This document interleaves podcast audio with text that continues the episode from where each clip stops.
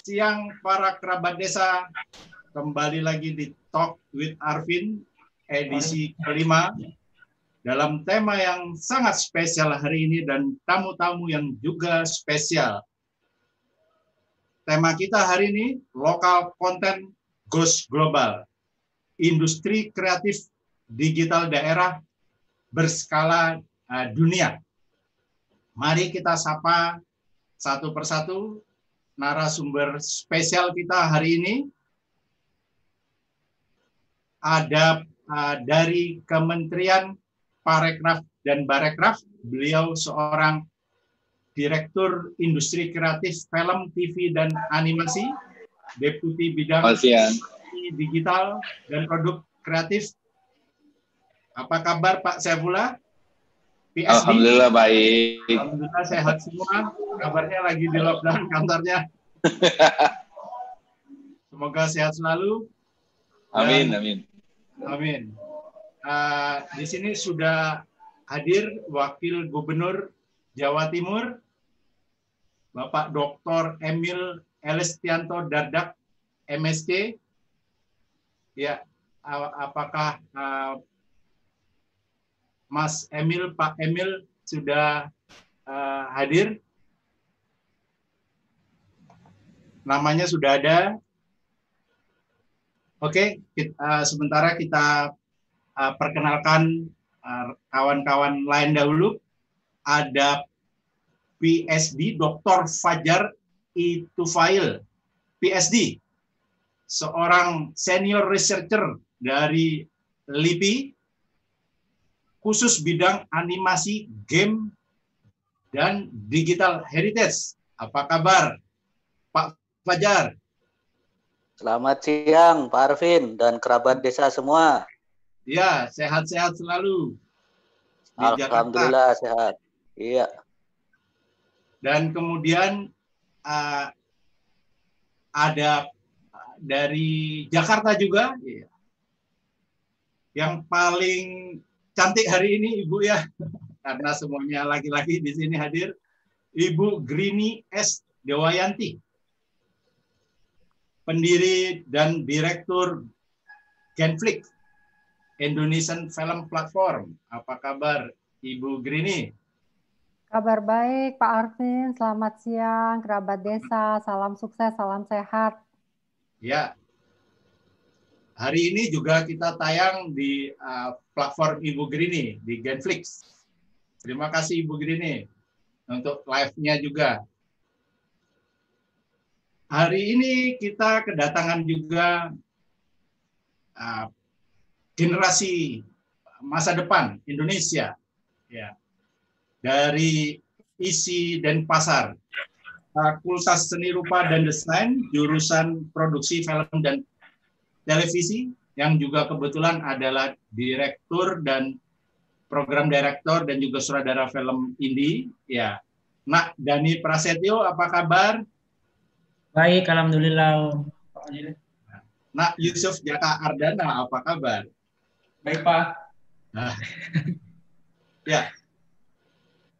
Hari ini hari yang cerah di Bali cerah. Ya semoga juga di Jakarta Palembang dan uh, Surabaya, kita membahas sesuatu yang menarik di bidang industri kreatif salah satunya ya yakni uh, konten uh, digital.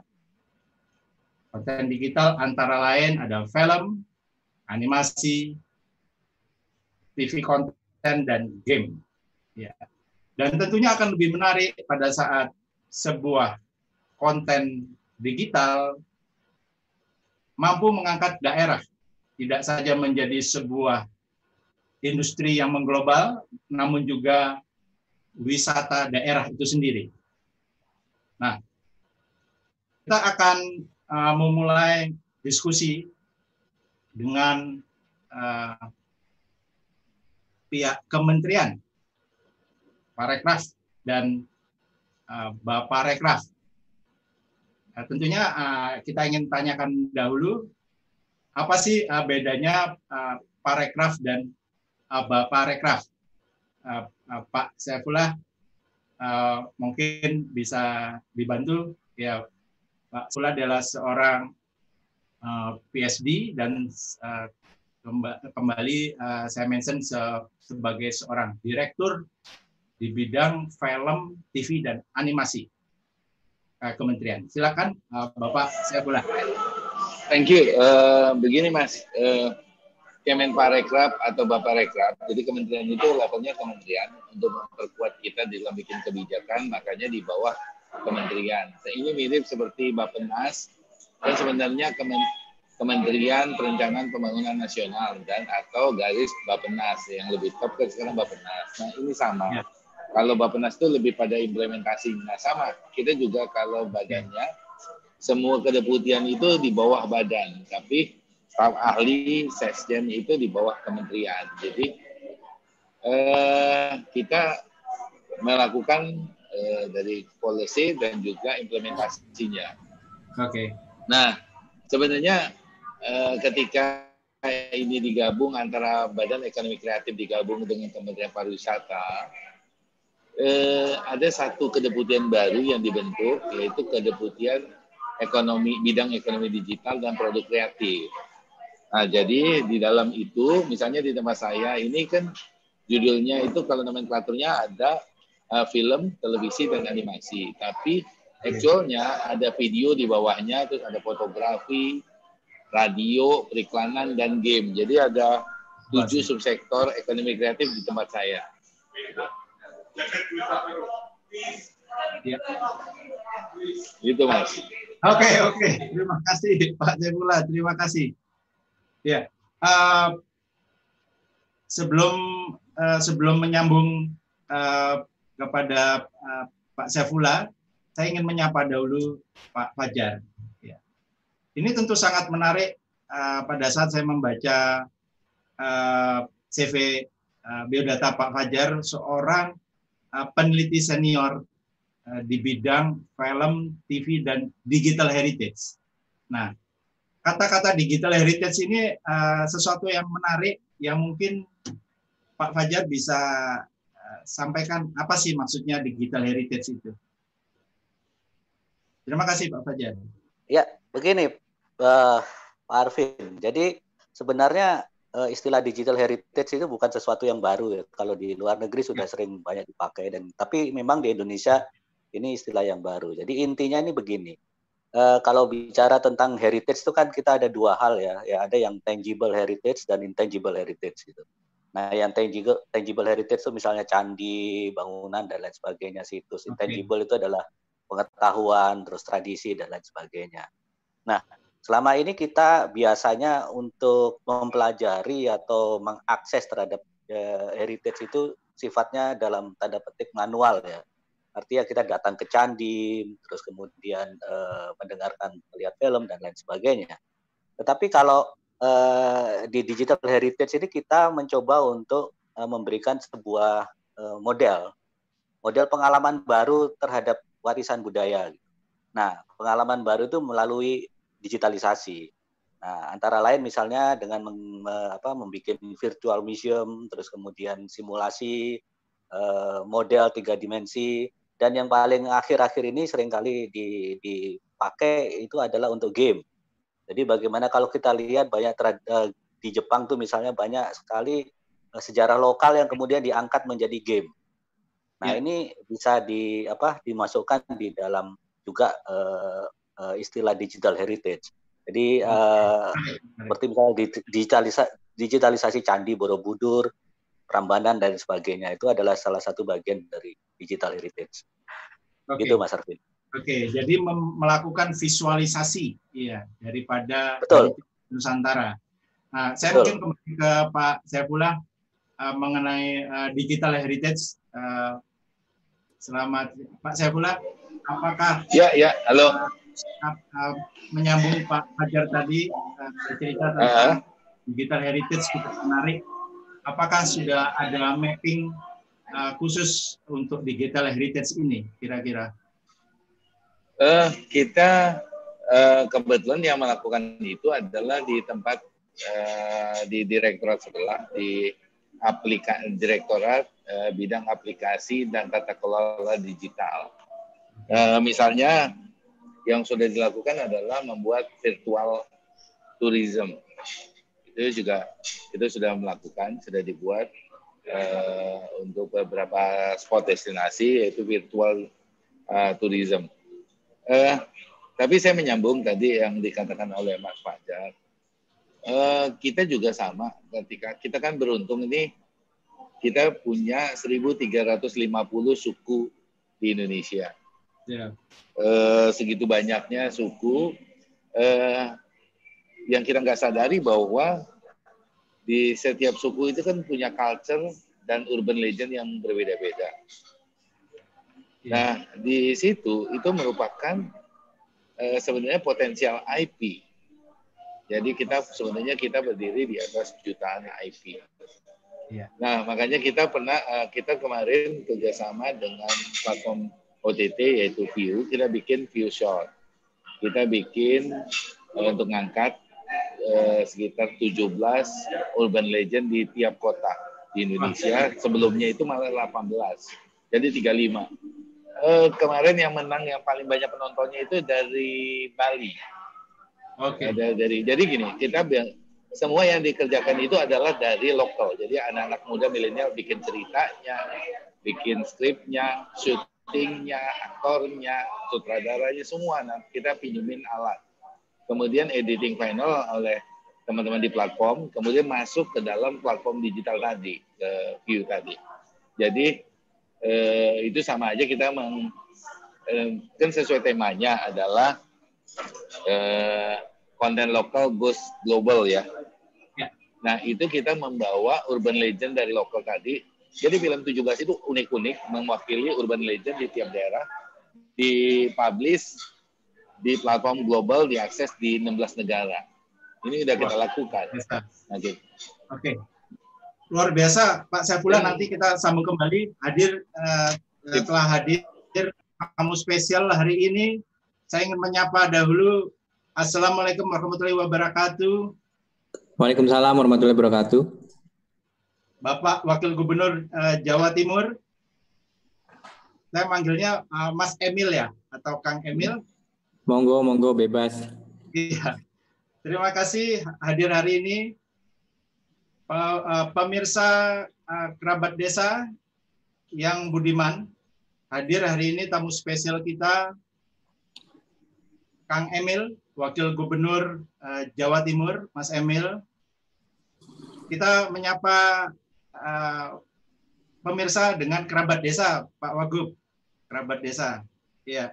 Nah, Tadi kita sempat uh, berbincang-bincang sejenak mengenai potensi lokal, terutama konten digital, antara lain film, animasi, games. Bagaimana konten digital ini tidak saja mampu menjadi sebuah industri uh, lokal konten yang mengglobal, namun juga bisa mengangkat berbagai sektor di daerah ter, uh, itu sendiri, misalnya uh, pariwisata. Kira-kira di Jawa Timur sendiri tematik-tematik lokal konten apa saja yang menarik bisa diangkat uh, mendunia kira-kira Pak Wagub? Baik, sebelumnya sambil disiapkan paparannya. Jadi kalau kita bicara mengenai lokal konten, justru kita punya warisan sejarah dan budaya yang luar biasa di Jawa Timur saya pernah berdiskusi dengan mantan Wamen Dik bagian kebudayaan, ya. Bu Prof. Windu Nuryanti dan sebenarnya kalau ngomong soal jumlah kuantitatif heritage atau warisan budaya itu paling banyak sebenarnya di Jawa Timur. Okay. Namun demikian memang kita harus mengakui bahwa hari ini kalau kita bicara mengenai eksotisme budaya, kemudian mengenai top of mind apakah orang bicara Jawa Timur ingat budaya, kita masih ketinggalan di belakang Jogja, Jawa Tengah, Bali. Karena mereka mungkin lebih dianggap identik dengan kebudayaan. Nah, inilah kemudian PR kita bagaimana kita bisa membangun sebuah uh, identitas uh, kebudayaan yang melekat di hati dan pikiran masyarakat okay. di Jawa Timur. Tapi kita tahu juga bahwa Jawa Timur punya keanekaragaman budaya. Jadi ada budaya Madura, ada budaya Pandalungan, Blambangan, ada budaya Matraman, ya, bahkan budaya pesisir utara itu juga ada keunikan tersendiri. Nah, oleh karena itu memang eh, sebenarnya ini adalah aset, tapi juga memberikan sebuah challenge bagaimana kita membangun identitas yang linear dengan identitas sebuah provinsi, gitu. Uh, ini ini adalah ranahnya tentunya para pakar budaya. Ya. Namun demikian khusus untuk hari ini saya ingin bicara bagaimana Jawa Timur mencoba membangun industri kreatif dan industri digitalnya gitu. Lanjut. Ya. Lanjut lagi. Jadi memang kita sadari bersama bahwa kondisi ekonomi kita saat ini sedang mengalami ujian karena adanya pandemi COVID-19. Kita mengalami kontraksi ekonomi, hampir semua daerah mengalami kontraksi penurunan, namun Jawa yang paling parah di Pulau Jawa, Jawa Timur salah satu yang paling baik atau tepatnya paling baik kondisinya, tetapi tetap juga mengalami kontraksi. Lanjut. Nah ini kontraksi kita 5,9 persen ya dalam satu kuartal itu. Lanjut. Nah ini situasinya. Nah kalau kita lihat struktur PDRB ekonomi kita dari perindustrian itu yang warna biru 30,05 persen paling besar disusul perdagangan 17,4, lalu pertanian 14,11, dan sisanya sekitar 38 tersebar di 14 sektor lainnya. Nah, industri maupun perdagangan ini sangat berkaitan erat juga dengan eh, ekonomi digital dan kreatif. Lanjut. Ya, ini kalau kita bedah lagi industri kita 30,49 34,96 persen ini industri makanan dan minuman yang terbanyak, di mana ornamen-ornamen atau fitur-fitur digital dan ekonomi kreatif itu sangat mempengaruhi dari industri makanan dan minuman. Okay. Di peringkat berikutnya 27,35 adalah pengolahan tembakau. Lalu ada langsung kecil-kecil itu ada industri kertas dan industri kimia, masih single digit persennya. Nah kalau kita lihat kondisinya, industri makanan minuman ini relatif malah mengalami pertumbuhan, tetapi yang trennya agak menurun ini justru adalah industri uh, dari kimia, farmasi, obat tradisional ini kurang begitu uh, tumbuhnya kurang begitu baik. Ya, lanjut. Nah, kita punya banyak sekali tenaga kerja yang bekerja di industri 3,2 juta. Nah, pabrik-pabrik besar itu jumlahnya 1.228, tapi menyerap hampir 12 persen tenaga kerja kita. Sedangkan industri kecilnya jumlahnya hampir 800 ribu, menyerap sekitar 1,8 juta atau hampir 60 persen dari tenaga kerja kita. Yeah. Dan yang menarik ini industri menengah ini. 23 ribu industri menyerap sekitar 1 juta tenaga kerja atau 30 persen. Jadi kalau kita perhatikan, ini kalau industri kecil tentunya memang industri perorangan atau paling mempekerjakan satu atau dua orang lainnya. Dan agak jarang melibatkan orang di luar rumah tangganya. Sedangkan kalau industri menengah ini sudah mulai mempekerjakan orang, kita lihat bahwa ini jumlahnya 23 ribu mempekerjakan 1 juta 976 tepatnya. Nah ini adalah uh, segmen yang perlu kita support. Karena kami melihat bahwa industri menengah ini di level ini itu sudah membutuhkan suntikan uh, ekonomi kreatif dan digital dalam mentransformasi bisnisnya. Tetapi mungkin skala bisnisnya, kemampuannya masih belum sampai ke sana. Nanti saya akan cerita apa langkah yang kita lakukan di Jawa Timur dengan konsep Millennial Job Center. Lanjut. Kita skip saja ini lanjut. Nah, lanjut. Jadi kalau kita definisikan memang industri yang memanfaatkan kreativitas, keahlian dan bakat individu untuk menciptakan nilai tambah. Jadi nilai tambah ini munculnya bukan dari bahan baku, bukan dari proses teknis, tetapi justru dari kreativitas, keahlian dan bakat. Kita tahu betul bahwa uh, dengan bahan yang sama, tapi dirancang oleh orang yang berbeda, dikerjakan oleh pengrajin yang berbeda, dapat menghasilkan produk yang sangat berbeda. Film bisa punya ongkos produksi yang sama dengan hasil yang sangat berbeda. Ya, jadi ini adalah ciri khasnya. Nilai tambahnya itu datang dari bakat, ahlian, dan kreativitas. Lanjut. Nah, ada 16 subsektor ekonomi kreatif yang diterapkan ditetapkan oleh Paycraft. Saya rasa semua yang ikut di sini kerabat desa sudah familiar, termasuk seni pertunjukan, kria, seni rupa, DKV, dan lain sebagainya. Namun demikian, kita tahu bersama bahwa khusus untuk desa ini sangat berpotensi kemudian untuk lebih aktif lagi berperan dalam industri misalnya kria, seni pertunjukan. Ini perannya akan sangat potensial. Tetapi sekarang untuk masuk ke ranah musik, televisi, fotografi ini juga menjadi sangat-sangat uh, memungkinkan karena dengan adanya digitalisasi, adanya internet, maka uh, memasuki area ini juga menjadi jauh lebih mudah dibandingkan sebelumnya. Lanjut. Apa saja tantangan kita untuk ekonomi kreatif dan digital? Kalau dipilih delapan, yang pertama nih kualitas SDM kita dulu. Daya saing kita dalam industri kreatif dan digital. Bagaimana kemudian kita punya SDM yang punya daya saing uh, dalam konteks kreativitas. Yang kedua adalah bagaimana kita menjaring agar tenaga kerja berkualitas ini mau ke Indonesia. Ketiga kesenjangan, jadi ada variabilitas yang tinggi antara satu daerah dengan yang lain. Kemudian kita lihat masih bertumpu betul di Jakarta dan sekitarnya. Ada persaingan internasional yang ketat. Kita tahu bersama sekarang negara yang sudah berhasil menguasai dunia dengan kulturnya, culture-nya adalah salah satunya Korea dengan K-pop-nya. Ya, dia berhasil memberikan warna ciri yang khusus gitu. Tetapi sebenarnya ya budayanya pop, tetapi dicirikan dengan gaya ala Korea. Lalu lima institusi publik kita yang masih ter kungkung dengan proses birokrasi yang sangat birokratis, birokrasi yang birokratis.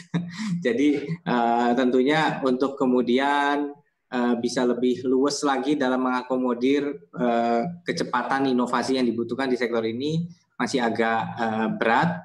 Lalu infrastruktur digital kita juga memang masih belum merata.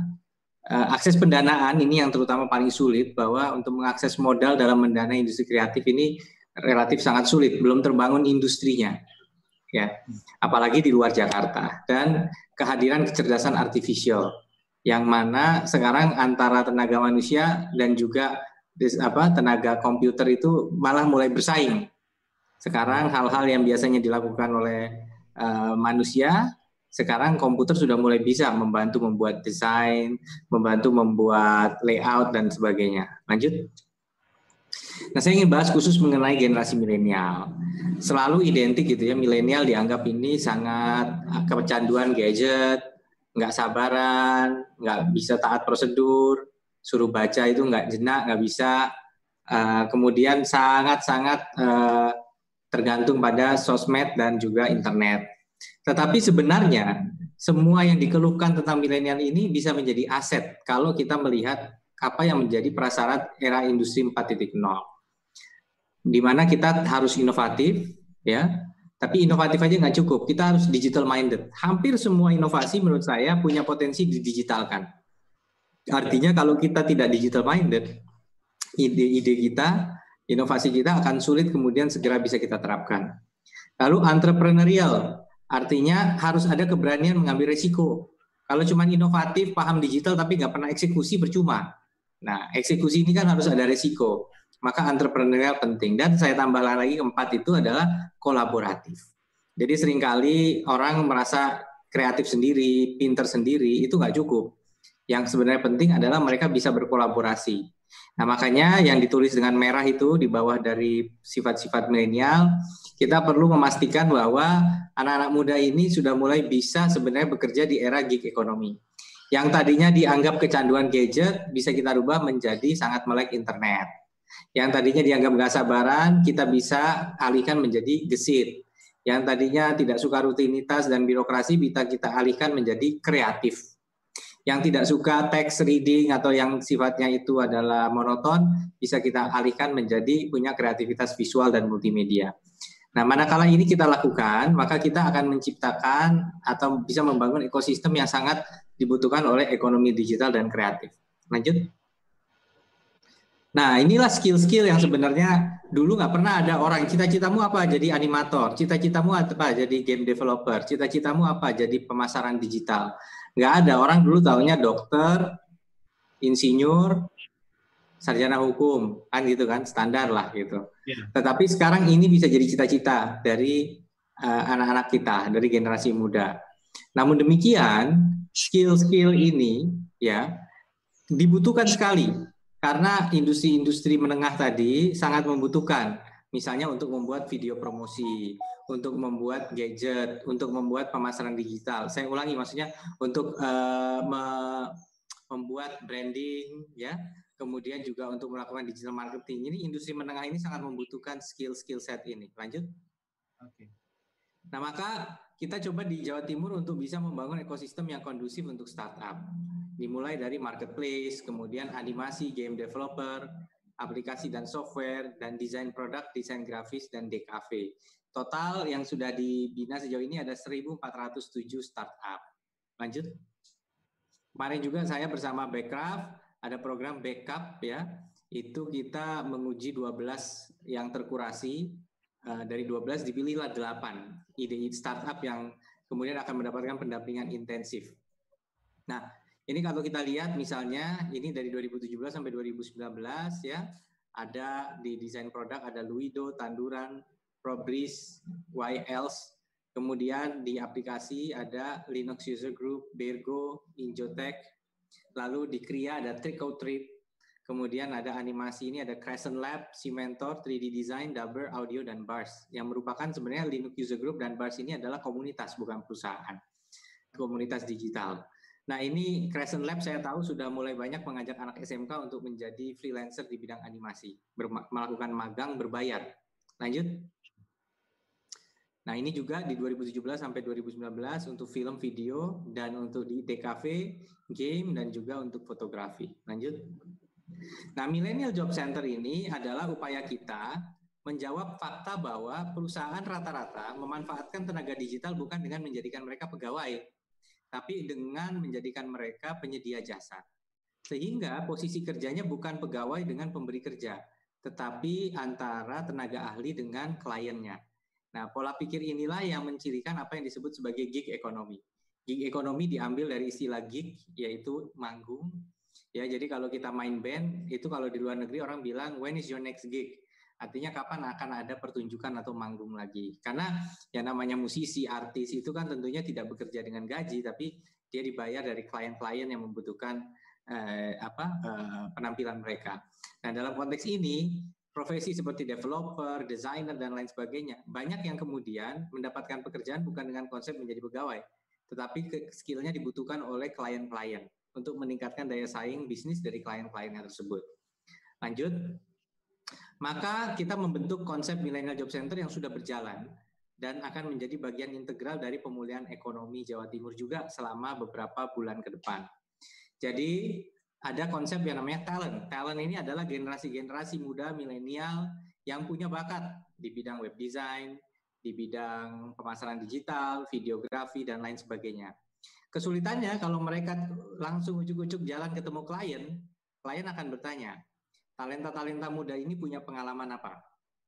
Nah, rata-rata mereka jawab, nggak punya pengalaman, Pak, Bu.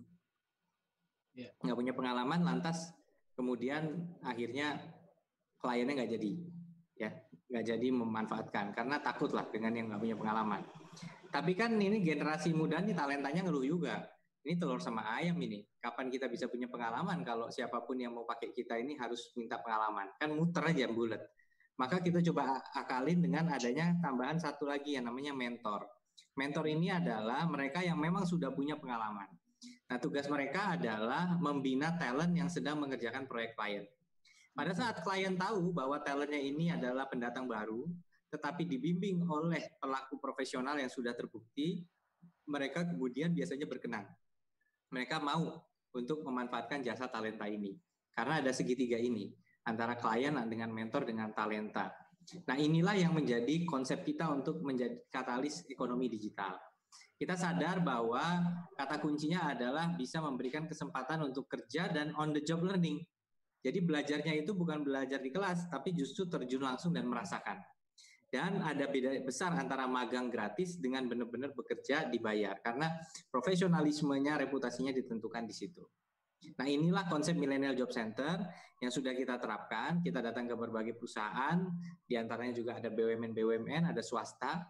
Ya kita ajak kemudian mereka untuk mau memberikan pekerjaan kepada talenta tetapi ada mentor yang ngawasi, ada mentor yang jagain. Nah inilah sebenarnya menjadi langkah-langkah kita. Lanjut. Nah apa fasilitasi kita?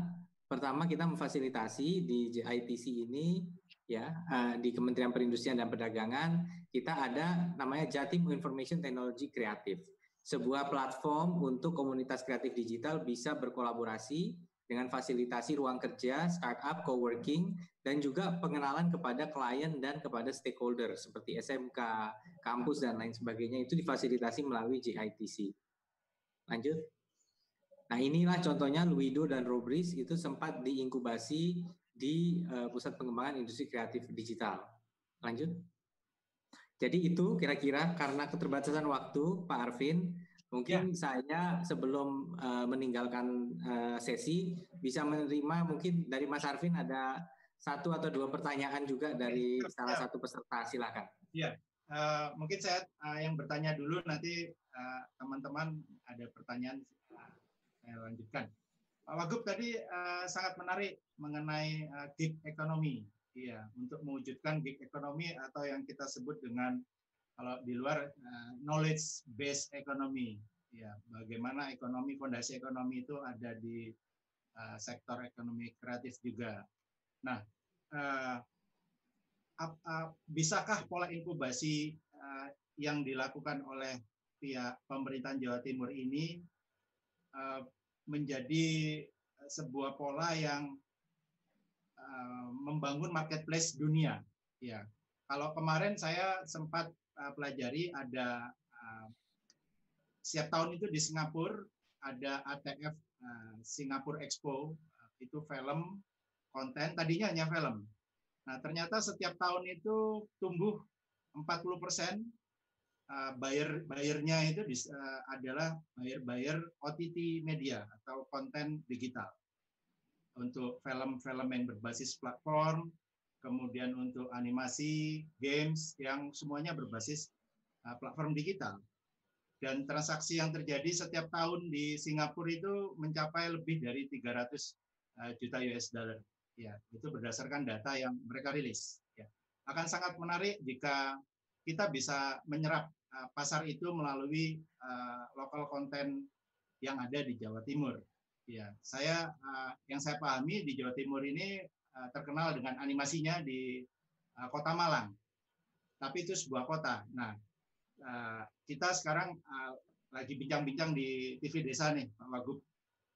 Jadi yang saya bayangkan sekarang ini kan eranya pandemi.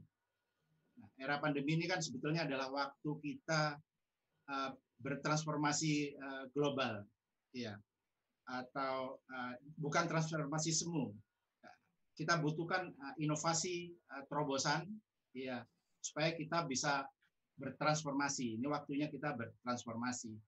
Nah, mungkin tidak transformasi itu dilakukan di desa-desa. Kita bangun desa-desa industri kreatif digital di Jawa Timur.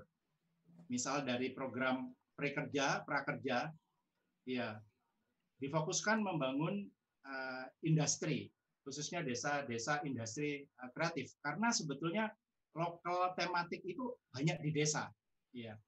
Dan lokal tematik ini yang menjadi uh, modal intangible uh, insight-nya konten digital itu ya.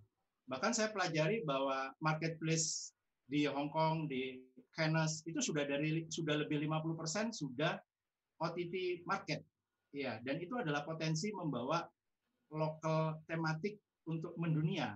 Tapi kan lokal tematik ini banyak sebetulnya banyak di desa-desa juga.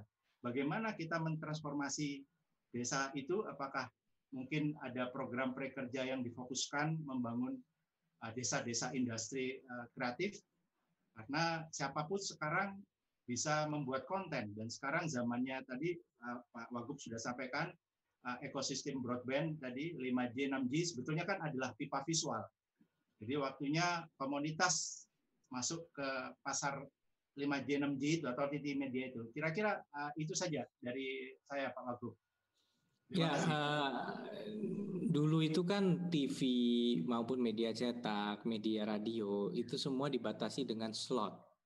Ya, slot ini karena ya di setiap satu satuan waktu orang hanya bisa menonton konten yang sama, ya Eh, sehingga satu detik di TV itu sangat berharga. dan ya. itu membuat kosnya menjadi mahal karena memang terbatas slotnya. Dan ini membuat ruang bagi pendatang baru sulit untuk masuk. Ya. Sangat sulit untuk masuk. Namun demikian sekarang kita perhatikan bahwa orang beralih ke video on demand. Orang ya. ingin menonton sesuai kapan mereka bisa, kapan mereka mau, ya. Nah, itulah sebabnya kemudian video on demand ini memungkinkan konten tidak terbatas kepada durasi waktu yang ada. Mungkin hanya storage waktu. Tinggal bagaimana kemudian konten ini muncul di dalam layar-layar para penonton. Ya. Kadang-kadang pengunjung situs itu tidak disuguhi oleh video-video yang memang belum besar viewersnya sehingga akan sulit juga untuk berkompetisi bagi newcomer walaupun melalui platform OTT atau melalui platform uh, apa uh, YouTube dan lain sebagainya. Nah, oleh karena itu sebenarnya kurasi tetap penting menurut saya. Artinya uh, karena akan sulit gitu. Kita akan punya seribu video, sejuta video yang viewernya bahkan sulit menembus angka lima ribu atau sepuluh ribu gitu ya. Karena apa? Karena kemungkinan besar memang uh, ya akan akan lebih didominasi oleh itu-itu aja lah gitu. Sekarang pun kan yang mendominasi kebanyakan mayoritas ya artis lah, jarang yang youtuber. Bahkan sekarang artis kan beralih ke YouTube gitu, karena memang di situlah sebenarnya mereka lebih bisa dekat dengan penggemarnya. Uh, kemudian kalau diperhatikan juga ongkos produksinya kecil, tapi karena mereka sudah punya nama, mereka dicari gitu. Nah inilah kemudian makanya kalau kita perhatikan uh, untuk uh, industri kreatif ya uh, tadi ada MJC misalnya itu ya. sebenarnya kita memberi ruang untuk membangun skill itu jadi sekarang ini memang uh, yang penting bagaimana kita istilahnya dulu kalau orang mau jago bikin film ke Jakarta karena di sana dia akan jadi kru, dia berkembang, kesempatan bisa jadi asisten sutradara, one jadi sutradara, jadi produser dan seterusnya gitu. Itu kan jenjangnya ada sebenarnya sampai hari ini pun sebaiknya jenjang itu tetap ada lah gitu. Kita tetap bisa membangun. Nah khusus untuk desa harapan kita memang bahwa eh, ada satu wadah yang memungkinkan kita mengkurasi karya-karya desa. Jadi bagaimana kemudian karya desa ini kita kurasi lalu kemudian disuntik lagi dengan tambahan skills bahkan mungkin modal untuk karya itu bisa naik lagi ke ranah yang lebih luas begitu. Jadi uh, kurasi ini menjadi sangat penting. Tetapi di sisi lain membangun komunitas itu juga penting. Ya. Bayangkan kalau TV desa atau kerabat desa ini, ya yang ditonton kerabat desa ini benar-benar ditonton oleh minimal Karang Taruna di semua desa. Ya. ya. Itu pasti penontonnya cukup memadai. Dan yang kedua sebenarnya dunia usaha ini sekarang mencari micro influencer. Jadi bukan lagi mencari makro influencer yang mahal dan juga belum tentu semua yang nonton itu target marketnya. Nah kalau sekarang misalnya ada satu skala yang kita anggap masuk ya segmentasinya misalnya untuk generasi muda atau untuk apa orang wilayah tertentu ya ini kemudian kalau kita bisa menstratifikasi uh, audiens ini akan menurunkan biaya dan meningkatkan daya tarik bagi industri yang beriklan atau berpromosi untuk memanfaatkan itu. Nah, itulah sebabnya tadi kembali ke pertanyaan, apakah kita bisa kemudian me mewujudkan itu? Saya rasa uh, kalau kita memberikan ekosistem yang kondusif, yang mendukung, uh, insya Allah sebenarnya uh, kita mulai dulu dengan komunitas-komunitas di desa ini mau uh, bergandengan tangan menciptakan satu komunitas yang kalau ada video baru dari komunitasnya itu langsung nonton duluan. Itu akan membantu menaikkan rating sehingga akan muncul videonya di YouTube di halaman-halaman awal orang buka sehingga lebih banyak orang dari luar lingkaran itu yang juga akan tertarik untuk menonton. Istilahnya harus disundul dulu loh kalau bahasanya gitu ya. Kan kalau di thread-thread itu diskusi nggak sundul kan kan gitu kan. Ya. Jadi disundul. Nah, ini yang nyundul itu harus komunitas desa. Kalau udah disundul duluan, dia punya ruang untuk kemudian melejit. Jadi kita kayak semacam bikin launchpad itu tadi. Kita bikin semacam launchpad, uh, kita bikin apa tempat peluncuran roketnya lah dalam hal ini, yaitu komunitas desa. TV desa bisa memainkan ya. peran itu kalau memang mengakar betul di desa-desa. Ingat kalau generasi milenial ini semakin dominan sebenarnya gitu. Jadi uh, semuanya sangat potensial. Saya contoh diskusi dengan satu gerakan namanya Ansor, PW Ansor di Jawa Timur, pengurus pemuda Ansor. Saya lihat followernya masih sedikit sekali, padahal anggota Ansor itu bisa sampai berpuluh-puluh ribu tapi followernya udah masih sangat sedikit. Nah ini artinya antara komunitas eksistensi fisik dengan digital itu belum terjadi. Ya, kami di pemerintah coba humas misalnya, humas Jawa Timur itu followernya di Instagram itu paling berapa followernya? Humas Pemprov itu ya, atau di Twitter ya, followernya sangat sedikit. Uh, menurut saya untuk ukuran Jawa Timur, ya Humas Prof Jatim itu followernya 31 ribu Padahal sebenarnya pengguna apa uh, Instagram ini kan hitungannya berjuta-juta di Jawa Timur. Nah, bayangkan kalau misalnya semua PNS, semua murid sekolah itu juga ikut memfollow akun pemerintah. Kita akan mempermudah, mempermurah sosialisasi kebijakan, mengurangi ranah hoax, memperlancar arus aspirasi dari publik kepada pemerintah dan itu bisa menjadi basis kami untuk mempromosikan industri kreatif yang bagus-bagus gitu. Ya, bayangkan kalau semua anak SMA, anak SMK baik itu negeri maupun swasta follow lah akunnya Disdi, akunnya Pemprov. Itu kemudian kita lebih mudah lagi nih untuk mempromosikan produk-produk ekonomi kreatif karena kita kan nggak komersil gitu ya. Kita bisa cari betul mana yang bagus, kemudian nanti kita akan akan launch lah gitu. Oke. Itu kira-kira jawaban kami Pak Arvin. Terima ya, kasih. Ya, terima kasih. Eh, ini ada satu pertanyaan dari industri Pak Wagub. Di sini kita ada Ibu Grini. Ibu Grini ini pendiri uh, platform uh, Genflix. basisnya mungkin bukan seperti YouTube yang uh, FVOD ya, advertisement video demand, tapi mungkin lebih ke SVOD ya Ibu Grini. Silakan Ibu ya. Grini, kira-kira mungkin ada pertanyaan atau bahkan kolaborasi ke depan dengan Jawa Timur karena kita lihat platformnya ini cukup ya cukup mendunia. Silakan Ibu Grini. Ya, terima kasih Pak Arvin, uh, Pak Emil. Terima kasih banyak atas keterangannya. Saya sebenarnya sangat tertarik karena Genflix itu pada waktu awal uh, pertama-tama Genflix itu sendiri kan juga dikreat oleh anak-anak Indonesia sendiri ya jadi di tengah keberadaan Netflix, kemudian uh, platform yang lain, juga seperti apa View dan juga iFlix dan lain-lain. Nah, Genflix ini murni anak-anak Indonesia. Kemudian di tempat kami waktu itu juga sama seperti tadi keterangan Pak Emil, ketika kami mau mencari konten-konten yang Indonesia, itu kami lebih mudah mendapatkan konten-konten yang dari Jogja maupun Jawa Tengah gitu ya. Nah, uh, mendengar keterangan Pak Emil tadi, uh, kami sangat tertarik kalau bisa berkolaborasi gitu, terutama konten-konten dari anak muda Jawa Timur dan juga uh, berdasarkan keterangan Bapak tadi bahwa pemerintah Jawa Timur sendiri juga sangat serius membangun industri digital itu. Jadi kalau uh, Genflix sendiri sebagai platform mungkin kami sudah lama berdiri. Kami berdiri itu mulai tahun 2013. Jadi kami pernah menyiarkan untuk broadcast Piala Dunia untuk di OTT. Kemudian juga pada waktu itu kami juga bisa uh, dapat license untuk boleh menyiarkan Barclay Premier League juga. Nah, sesudah itu kami banyak juga mengangkat konten-konten yang lain gitu kan. Termasuk konten Indonesia. Nah, salah satunya waktu uh, kita punya satu channel khusus itu namanya channel Jowo tadinya mau untuk semua eh, konten-konten uh, dari Jawa gitu loh. Nggak peduli itu Jawa Tengah, Jawa Timur, ataupun Jawa Barat. Tapi pada akhirnya yang lebih banyak mendominasi itu memang dari konten-konten Jawa Tengah.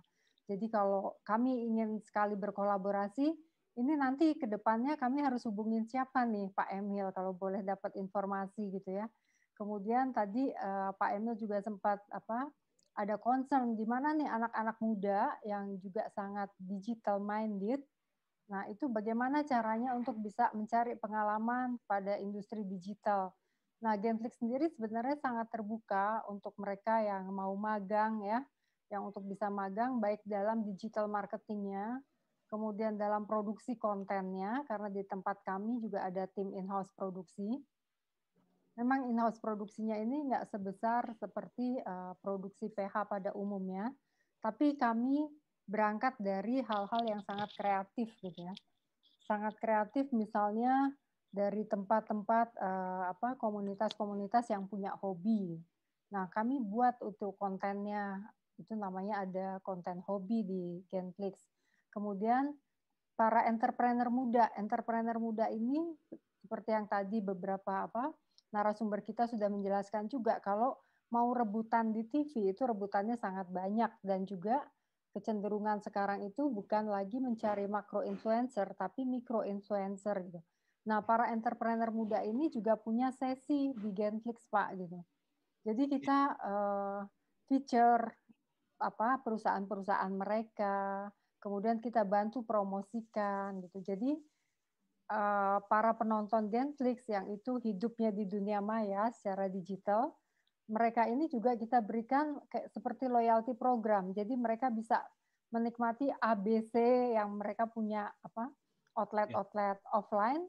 Nah, kolaborasinya seperti itu. Jadi kalau kita bisa berkolaborasi, sangat senang sekali uh, Pak Emil dan juga nanti tentunya uh, mudah-mudahan juga diberikan kesempatan buat Genflix untuk masuk ke Jawa Timur lebih kencang lagi nih gitu. Iya.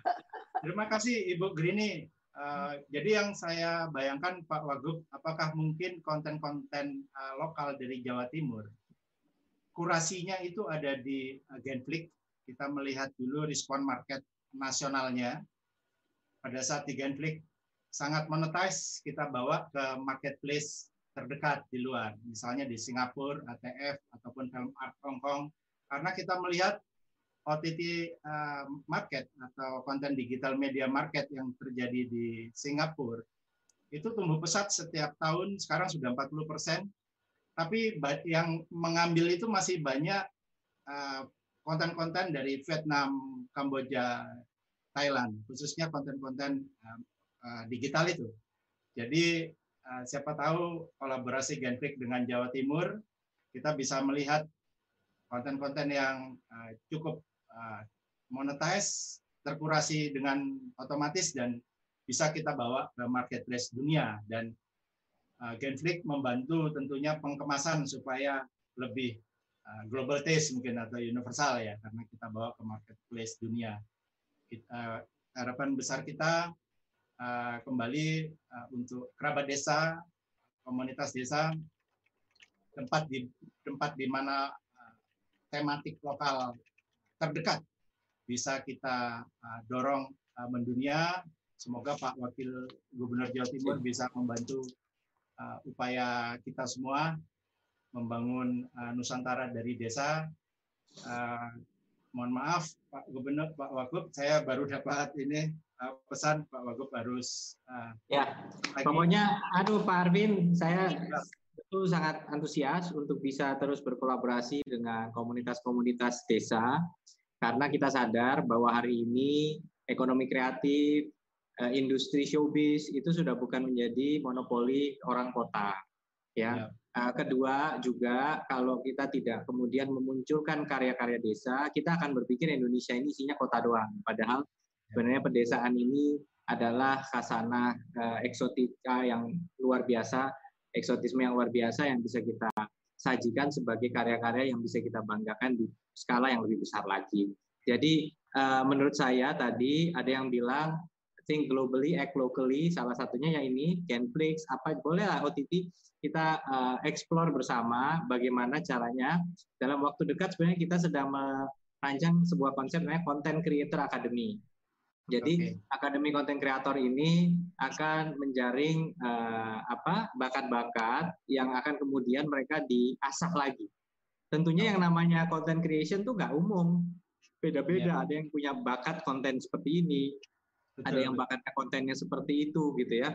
Tetapi minimal mereka akan tahu dulu gitu perspektif industri, standar kualitas yang biasanya sama cross. Dan juga misinya begini, hari ini tidak sedikit content creator yang sukses tapi dari kontroversi. Sukses dari hal-hal yang sebenarnya menurut kami kurang mendidik. Inilah yang kita coba, mari kita melahirkan generasi content creator yang kemudian karyanya ini bisa benar-benar linier dengan uh, kemaslahatan masyarakat. Ya, yang ini ini yang penting. Uh, saya optimis bisa mungkin di awal view-nya kelihatannya kok nggak sebanding ya. Mereka bisa berjuta-juta yang nonton Sudahlah, jangan cuma mikir ngejar jutaan tapi menghalalkan segala cara. Ayo kita bisa menyentuh puluhan ribu, ratusan ribu micro influencer tadi. Itu sudah langkah awal yang akan menjadi platform untuk kita terus termotivasi meningkatkan kualitas kita. Demikian. Terima kasih sekali lagi. Sukses semua untuk kerabat desa. Assalamualaikum warahmatullahi wabarakatuh. Waalaikumsalam warahmatullahi wabarakatuh. Terima kasih Pak Wagub. Ya, eh, kembali kepada pemirsa kerabat desa. Tadi uh, telah hadir tamu spesial Bapak Wakil Gubernur Jawa Timur membangun sebuah ekosistem di Jawa Timur menuju international market dari sebuah karya desa di mana lokal tematik terdekat. Mari kita kembali ke Pak Saifullah sebelum kita menyapa tamu dari jauh, Palembang. Bapak Saifullah, uh, Pak Saifullah, uh, Assalamualaikum Pak Saifullah. Ya, Waalaikumsalam Mas. Ya, Oke. Pak Saifullah, tadi menarik perbincangan dengan Pak Wakil Gubernur membangun sebuah ekosistem talenta di, di daerah Jawa Timur. Kira-kira terobosan apa uh, yang bisa kita sinergikan antara pusat uh, dan daerah agar potensi-potensi lokal di daerah ini teroptimalisasi, ya, dan juga bisa uh, menuju international market. Terima kasih. Gini. Ya, thank you Mas Alvin. Uh, sorry kalau agak berisik karena di tempat umum oh iya uh, live-nya. Uh, jadi gini, uh, tugas tempat aku itu di ini itu lebih pada mengembangkan talenta untuk menghasilkan produk kreatif unggulan. Oke. Okay di subsektornya uh, film, video, fotografi, periklanan, TV, radio, uh, animasi dan game. Ya. Itu. Jadi yang punya talenta itu terus sistem yang kita jadi kita harus kolaborasi dengan teman-teman di daerah. Oke. Okay. kalau tugas kayak kami berarti dari Sabang sampai Merauke Luas sekali ya, iya.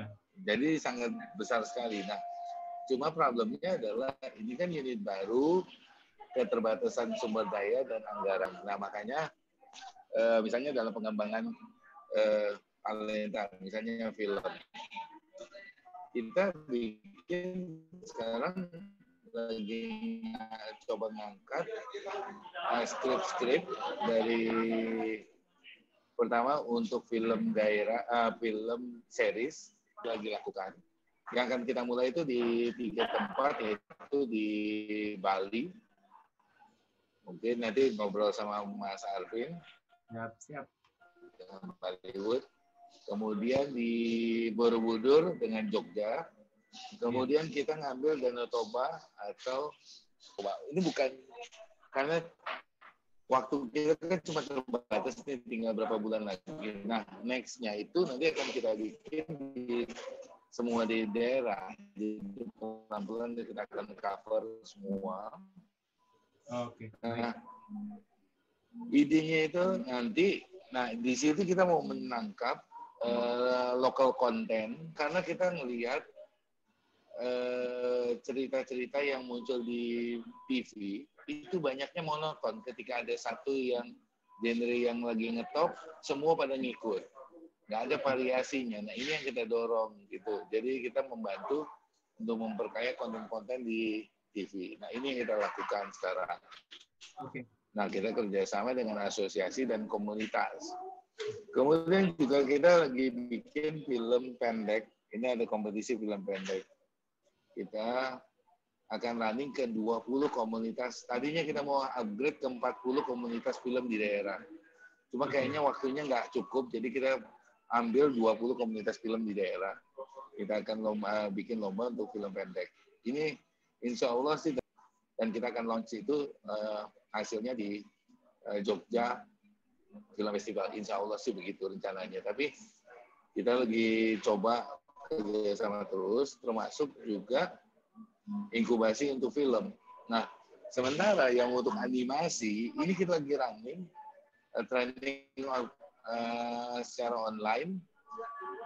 Kita training, kita udah jaring sekitar 50 potensial mentor untuk membantu kita di bidang animasi. 10, 10 mentor karena dia akan membantu kita di dalam mentoring untuk eh, tim-tim dari lima daerah. Jadi ada dua mentor yang di attach day to day-nya dengan teman-teman di daerah. Nah, sementara inkubasinya yang untuk para animator itu akan kita lakukan di Oktober atau November. Termasuk juga game developer. Ini lagi kita open call semua.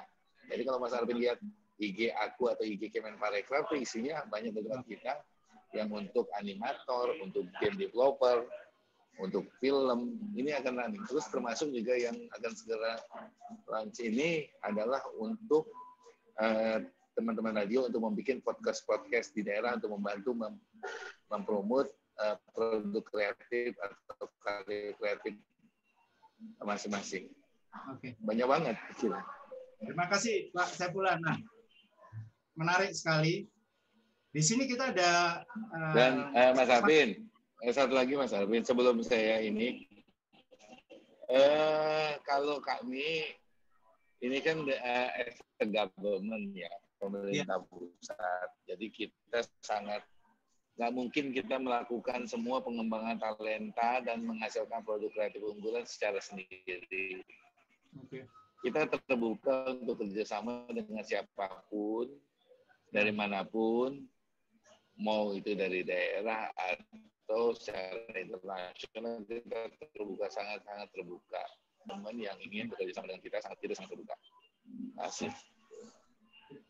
Baik, terima kasih Saifullah. Uh, sesuai tema hari ini bagaimana kita mengangkat potensi lokal yang sangat luar biasa banyak sebetulnya bisa masuk ke uh, marketplace uh, global. Ya. Di sini kita ada kehadiran dua festival daerah yang mungkin bisa menyerap potensi-potensi daerah itu. Di mana festival ini uh, di Indonesia masing-masing uh, organisernya di daerah. Di sini ada uh, dari Palembang memiliki festival yang kita sebut uh, apa uh, Musi ya, Musi Indie Film Festival. Saya lihat fotonya itu sampai menutup jalan raya di tengah kota Palembang, malam awardnya luar biasa. Dan juga di sini ada festival dari eh, anak-anak kampus yang juga uh, tematiknya muatan lokal ya, local wisdom dari isi Denpasar ya namanya tapi cukup keren Midsummer Film Festival. Nah, nanti saya juga ingin uh, minta pendapat dari Pak Fajar dan Ibu Grini ya, tentang festival-festival inisiatif dari teman-teman di daerah ini. Apakah ini bisa menjadi sebuah wadah untuk yang kita sebut tadi, bagaimana kita menemukan uh, potensi lokal untuk maju ke uh, pasar dunianya istilahnya. Pak Arvin sebelumnya tambahan iya, ya. Sebelumnya tambahan di Genflix sendiri juga kita sedang adakan festival film. Festival oh, iya, iya. pendek Genflix judulnya okay, Indonesia ya, banget. Tema yang diangkat itu Indonesia ya, banget ya. menarik. Saya rasa dengan banyaknya festival ini nanti akan ketemu bakat-bakat uh, daerah ya.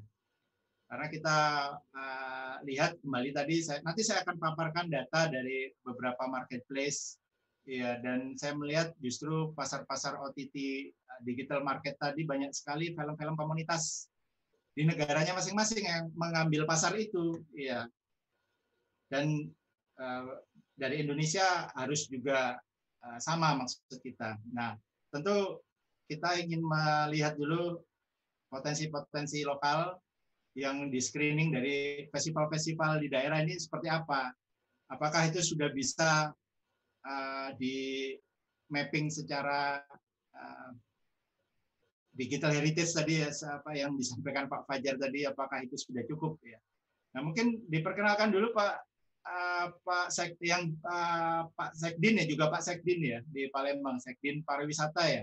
Pariwisata Kota dan juga Ketua Komisi Film uh, dan Wisata di Palembang. Nah, mungkin bisa dijelaskan apa itu festival musik indie? Ada kata-kata jadi betul-betul film-film indie ya. Silakan Pak Pak uh, Sekdin Pak Sadikin. Terima kasih Mas uh, Mas Arvin. Uh, sebelumnya saya izin dulu mau sedikit uh, memperkenalkan uh, perfilman yang ada di Palembang dahulu nih sejarahnya dulu sedikit ya bahwa ya, ya. Um, Palembang ini termasuk baru di dalam mengupayakan uh, memperkenalkan pariwisata Palembang melalui perfilman.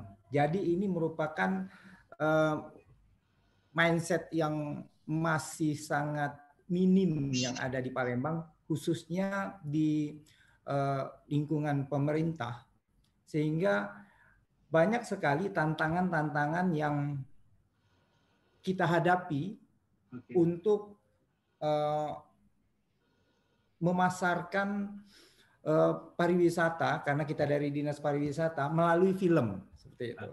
Nah, salah satu upaya yang kita lakukan itu di tahun yang lalu kita sudah uh, membentuk yang namanya FIT-FB Palembang yeah. International Tourism Film Board yang dilantik oleh Pak Wali Kota langsung. Hmm. Dan sampai sejauh ini peran dari Fit FB itu sendiri masih banyak sekali kendalanya ya salah satunya itu adalah mindset mindset masyarakat terhadap uh, film ini belum terlalu uh, apa ya belum terlalu uh, familiar ya belum terlalu familiar sehingga untuk memasyarakatkan ini juga masih ya butuh usaha yang sangat keras ya, sangat banyak ya. Dan kebijakan juga dari pemerintah itu belum terlalu fokus di dalam uh, mendukung film sebagai salah satu sarana untuk memasarkan Palembang. Gitu. Ya. Yeah. Nah, salah satu upaya kita yang sudah dilakukan oleh FitFB itu ada yang disebutkan Mas Arvin tadi adalah festival Musi Indie Fest Musi, Musi karena uh, ada Sungai Musi. Oke. Okay. Sungai Musi. Uh, jadi memang itu uh, apa jargon kita Musi Indie Fest yang sudah kita laksanakan selama dua tahun berturut-turut dan rencananya yang ketiga ini akan kita laksanakan juga uh, insya Allah itu di bulan Desember ya dan perlu dicatat juga bahwa di sini uh, inisiasinya itu tanpa menggunakan dana sama sekali. Nah, jadi memang peran dari seluruh eh, apa eh, stakeholder yang ada, tapi tidak tetap tidak menggunakan dana dana pemerintah dan hasilnya cukup eh, lumayan menurut eh, tataran kami yang masih newbie ini, masih baru ini. Seperti yang disampaikan Mas Arpin tadi, antusiasme uh, terhadap Musi Indifest ini cukup tinggi. Itu terlihat dari pada saat kita melaksanakan kegiatan itu jalan utama yaitu Jalan Jenderal Sudirman di Kota Palembang itu ditutup. Wah, itu ada foto-fotonya mungkin Pak iya. Pak Sekdin ada foto-fotonya. Itu nih foto-fotonya. Jadi jalan utamanya itu ditutup ya. uh, malam itu untuk uh, penyelenggaraan festival Musi Indie Fest uh, yang kebetulan kemarin cukup banyak diikuti dari rekan-rekan komunitas film yang berada di luar daerah ya memang tetap dominasinya itu dari Palembang tapi luar daerah pun sudah sudah uh, mulai uh, ikut di dalam kegiatan Musi Indie Fest. Kalau bicara tentang uh, Musi Indie Fest mungkin seperti itu aja tapi ada satu sebenarnya yang perlu saya uh, sedikit tanyakan dengan Pak Saifullah terkait masalah uh, apa ya di sini Pak Saifullah juga menyebutkan uh, terbuka untuk berkolaborasi dengan daerah. Ah itu itu itu uh, pernyataan yang saya sangat nanti-nantikan karena kita uh, mengharapkan ada kolaborasi antara Kemenpar Ekrab dengan daerah ini dengan pemerintah daerah khususnya di dalam mengupayakan uh, uh, uh, apa kerjasama untuk meng, mengajak orang lebih berkarya dan juga berprestasi di digital ini, khususnya film kalau kami.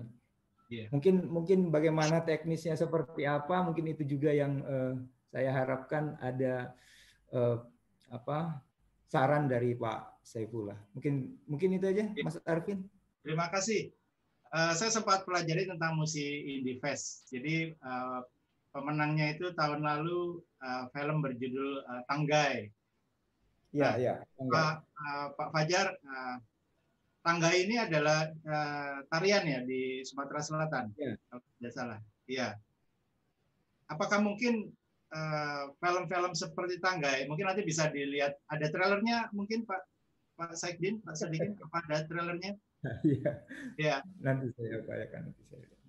Saya melihat dari diadakannya festival film musik Indie Fest ini ketemu suatu uh, digital heritage tadi dalam bentuk sebuah film yang berjudul Tanggai. Nah, apakah mungkin memang harus banyak dilakukan festival-festival di daerah seperti ini dan bagaimana cara mengemasnya supaya katakanlah film tangga ini akhirnya bisa juga uh, masuk ke pasar internasional. Ya. Dan saya sempat lihat trailer itu kan bahasa bahasa Palembang ya. Iya. Ya mungkin bagaimana uh, masuk ke Genflix dulu kan pasar nasional.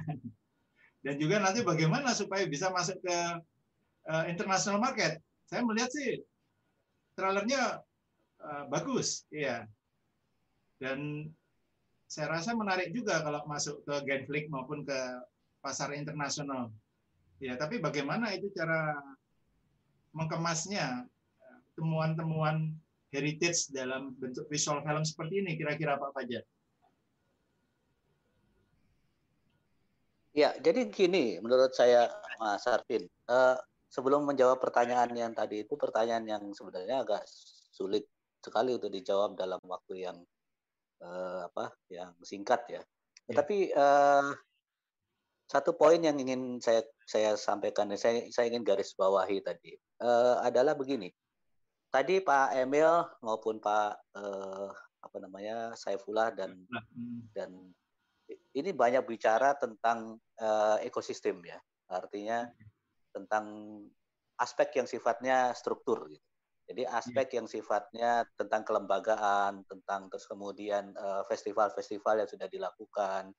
Jadi semua ini memang bagian dari sebuah ekosistem yang menurut saya memang perlu ditata okay. dengan baik.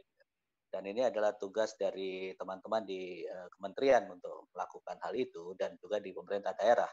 Tetapi okay. ada satu poin yang menurut saya sangat penting di, di, di yang terlewat sebenarnya yang kita banyak banyak melupakan itu pada saat hmm. ekosistem ini udah jadi atau paling nggak sudah sudah tertata begitu kan ini kan ada pelaku ya entah itu iya, pelaku yeah. yang sifatnya uh, dari desa maupun dari uh, studio dari industri sendiri dan mungkin pelaku yang independen juga gitu nah nah persoalannya adalah pada saat mereka memproduksi sebuah konten kreatif gitu ya ini kan mereka memproduksi sesuatu barang yang harus uh, apa namanya bisa punya resonance bisa punya gaung di baik itu di tingkat nasional maupun di tingkat uh, internasional kan.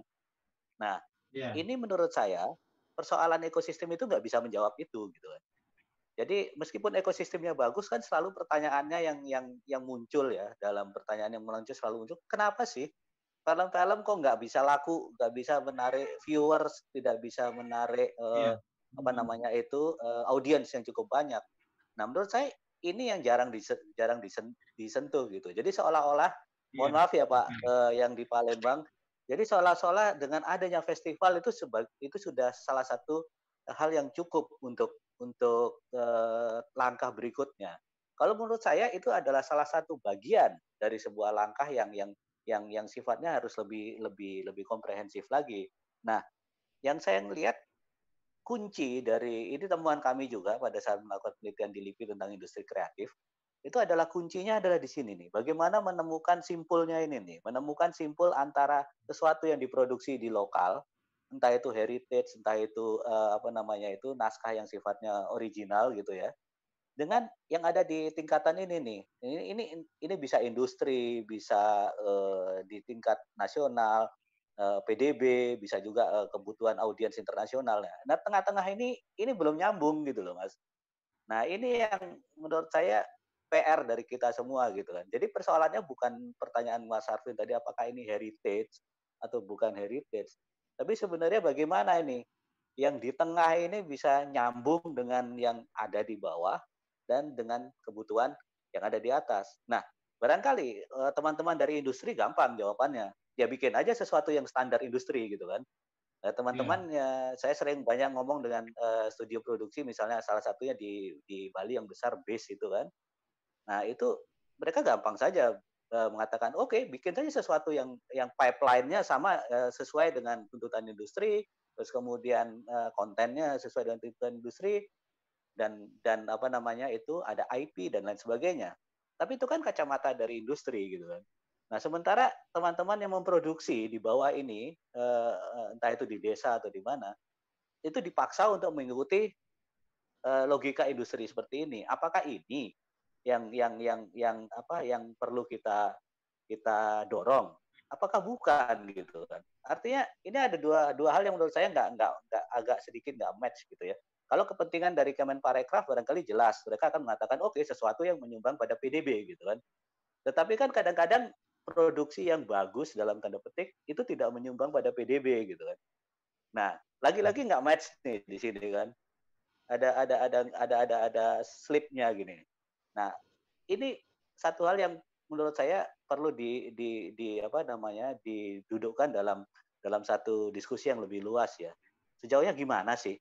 Jadi persoalannya bukan soal ini apakah ini kontennya local heritage atau uh, digital heritage atau apa, tapi sebenarnya persoalannya gimana nih nyambungin uh, knotnya ini apa namanya simpulnya ini antara antara sesuatu yang ada di produksi dan kemudian sesuatu yang di, di, diminta oleh industri maupun diminta oleh negara atau diminta oleh oleh uh, komunitas lain di tingkat internasional misalnya. Begitu barangkali. Nah, Terima kasih. Nggak, nggak menjawab secara langsung, tetapi menurut saya ini satu hal yang sangat sangat dasar ya. Jadi saya yang uh, saya cerna jadi bahwa festival ini hanya menjadi bagian sebuah ekosistem untuk menuju sebuah industri uh, lokal konten dan nanti bagaimana caranya industri lokal konten ini bisa uh, memperoleh marketplace-nya, baik marketplace uh, nasional maupun uh, internasional. Dan kecenderungan marketplace untuk lokal konten adalah marketplace horizontal atau OTT media. Kemarin sempat apa ada film yang yang tiba-tiba uh, melejit ya di uh, Tilik ya, Tilik di Jogja. Ya. Ah, so, sorry saya saya saya potong Mas Arvin. Ya. Ini menarik. Jadi menurut saya ini yang yang yang salah satu anomali sebenarnya ya. ya. Artinya eh, pertanyaannya adalah Tilik itu menjadi menarik eh, menjadi terkenal dengan viewer yang lebih dari 10 juta itu ya. Hmm. Apakah karena dia memang masuk lewat festival atau ada mekanisme lain gitu? Atau okay. ada hal lain yang yeah. yang kemudian kita ini. Nah, ini saya saya saya antropolog ya. Jadi saya saya mencoba melihat gimana sih sebenarnya aspek kultural seperti apa sebenarnya yang okay. yang yang menjadi yeah. menarik dalam film itu gitu kan. Artinya yeah. festival memang penting ya. Festival itu penting sebagai salah satu wadah venue, tetapi bukan satu-satunya. Artinya yeah. banyak hal yang yang yang apa eh, satu satu konteks ekosistem yang lebih kecil yang barangkali uh, harus dieksplorasi juga gitu. Contohnya tilik ini memang menarik itu menjadi menjadi satu hal yang yang yang pertanyaan kita kenapa dia menjadi kemudian sedemikian yeah. viral yeah. dan kemudian ini ya viewernya yeah. besar gitu. Yeah. ya harapan kita bagaimana sebuah daerah nah, nanti kita akan bertanya ke teman-teman di isi Denpasar ya bagaimana sebuah daerah bisa melakukan produksi yang eh, berkesinambungan juga mungkin Pak Fajar agar menjadi sebuah ekosistem. Karena kalau hanya satu dua produksi, walaupun satu dua film itu sangat melejit, tetapi tidak uh, membangun sebuah konten uh, factory istilahnya di dalam suatu daerah, akhirnya kan tidak menjadi industri juga. Ya. Nah, hari ini kita uh, berdiskusi bagaimana membangun sebuah konsep yang sustain di suatu daerah akhirnya jadilah sebuah industri ya mungkin muncul tilik-tilik yang lain. Dan nanti kan Ibu Grini mungkin bisa uh, memberikan masukan. Apa sih uh, bedanya sebuah film tayang di YouTube dan di uh, platform yang sifatnya seperti Genflix ini?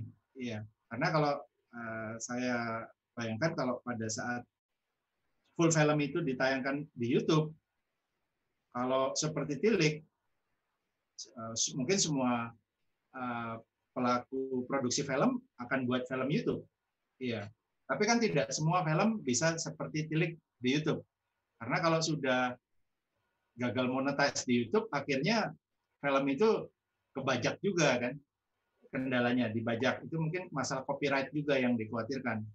Nah mungkin Genflix bisa menjadi salah satu solusi film-film yang tidak ingin di YouTube bisa tampil di Genflix juga mungkin. Dan bagaimana uh, Genflix juga bisa membantu membangun industri lokalnya. Jadi peran semua pihak, tidak saja pemerintah, tetapi juga industri platform ini salah satunya. Nah, saya mau tanya kepada Mas Dani, Mas Dani, Om Swastiastu. Ya, Om Swastiastu, Pak. Ya, apa kabar Bali, Denpasar? Ah, Alhamdulillah, Bali ah, baik-baik saja sejauh ini. Iya, tentunya menarik. Ini uh, Mas Dani sama Mas Jaka kan ya. uh, sekolah film. Iya. Kenapa? Jadi kerjanya pasti produksi film terus-menerus tapi kok mengadakan festival film? Ya, apa tidak cukup dengan produksi film saja? Jadi apa yang melatar belakangi kok membuat uh, sebuah uh, festival? Kemudian filmnya itu festival sendiri, enggak, enggak juga kan? Silakan Mas Dani. Oke, uh, makasih Pak Arvin uh, untuk kesempatannya juga.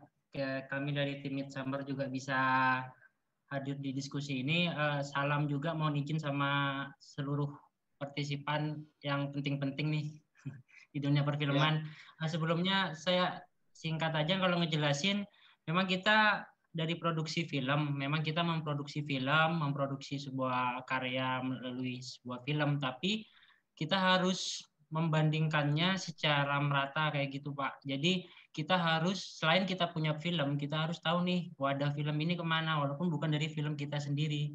Ya secara luarannya ya film-film dari teman-teman kita yang ada di Bali, yang ada di luar Bali, karena memang secara langsung juga saya kebetulan memang bukan orang Bali, tapi sejauh dua tahun saya di Bali untuk plat, mungkin untuk wadah yang digunakan untuk film-film di Bali sendiri itu masih kurang gitu. Jadi mungkin yang saya tahu dari Denpasar Dokumenter Film Festival, dari Mini Kino International Film Festival juga, terus ada Denpasar Film Festival. Hanya mungkin beberapa saja, tapi uh, sejauh ini saya pengen sih walaupun saya bukan orang Bali, kami dari tim ini pengen film-film dari Bali bisa kami bawa keluar kayak gitu. Sebenarnya Bali ini kan dari urbannya kan kuat banget terus dari budayanya adatnya juga kuat banget. Banyak film-film yang mengangkat adat budaya dan segala macamnya. Saya pengen ini bisa sampai di luar gitu pak. Jadinya kami mikir kami produksi film kami bukan cuma produksi sebuah film kami harus tahu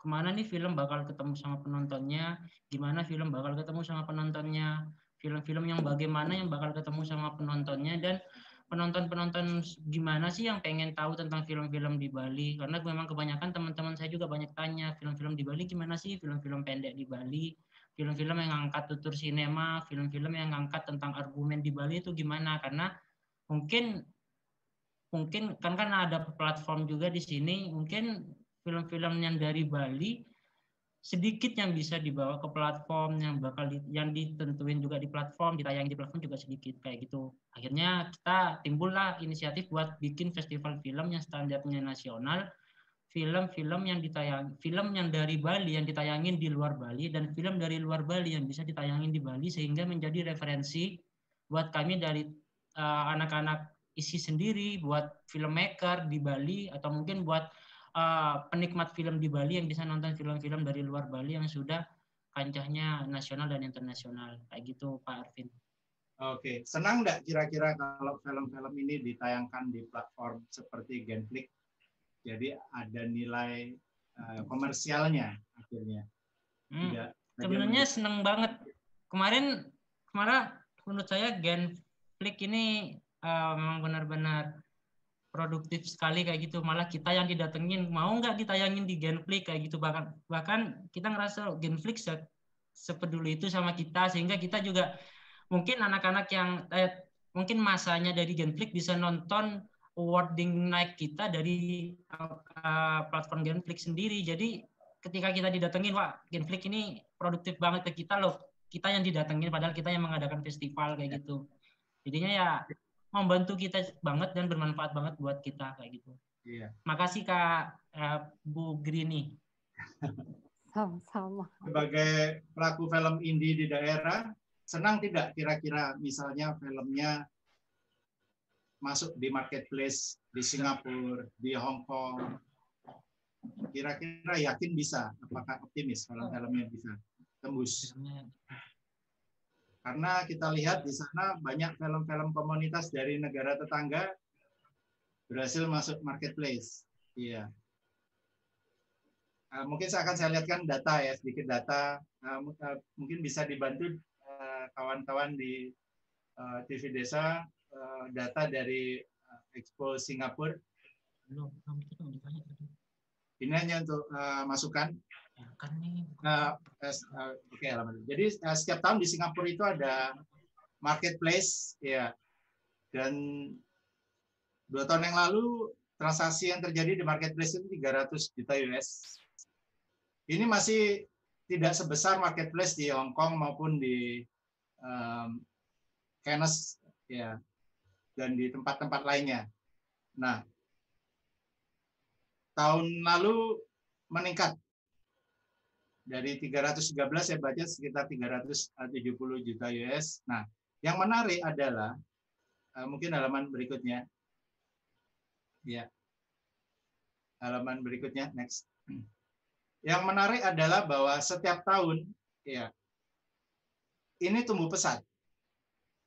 OTT subscription. Jadi kalau kita melihat uh, Genflix nonton dari Genflix itu kan berlangganan. Kita nyebutnya OTT subscription subscription uh, OTT over the top.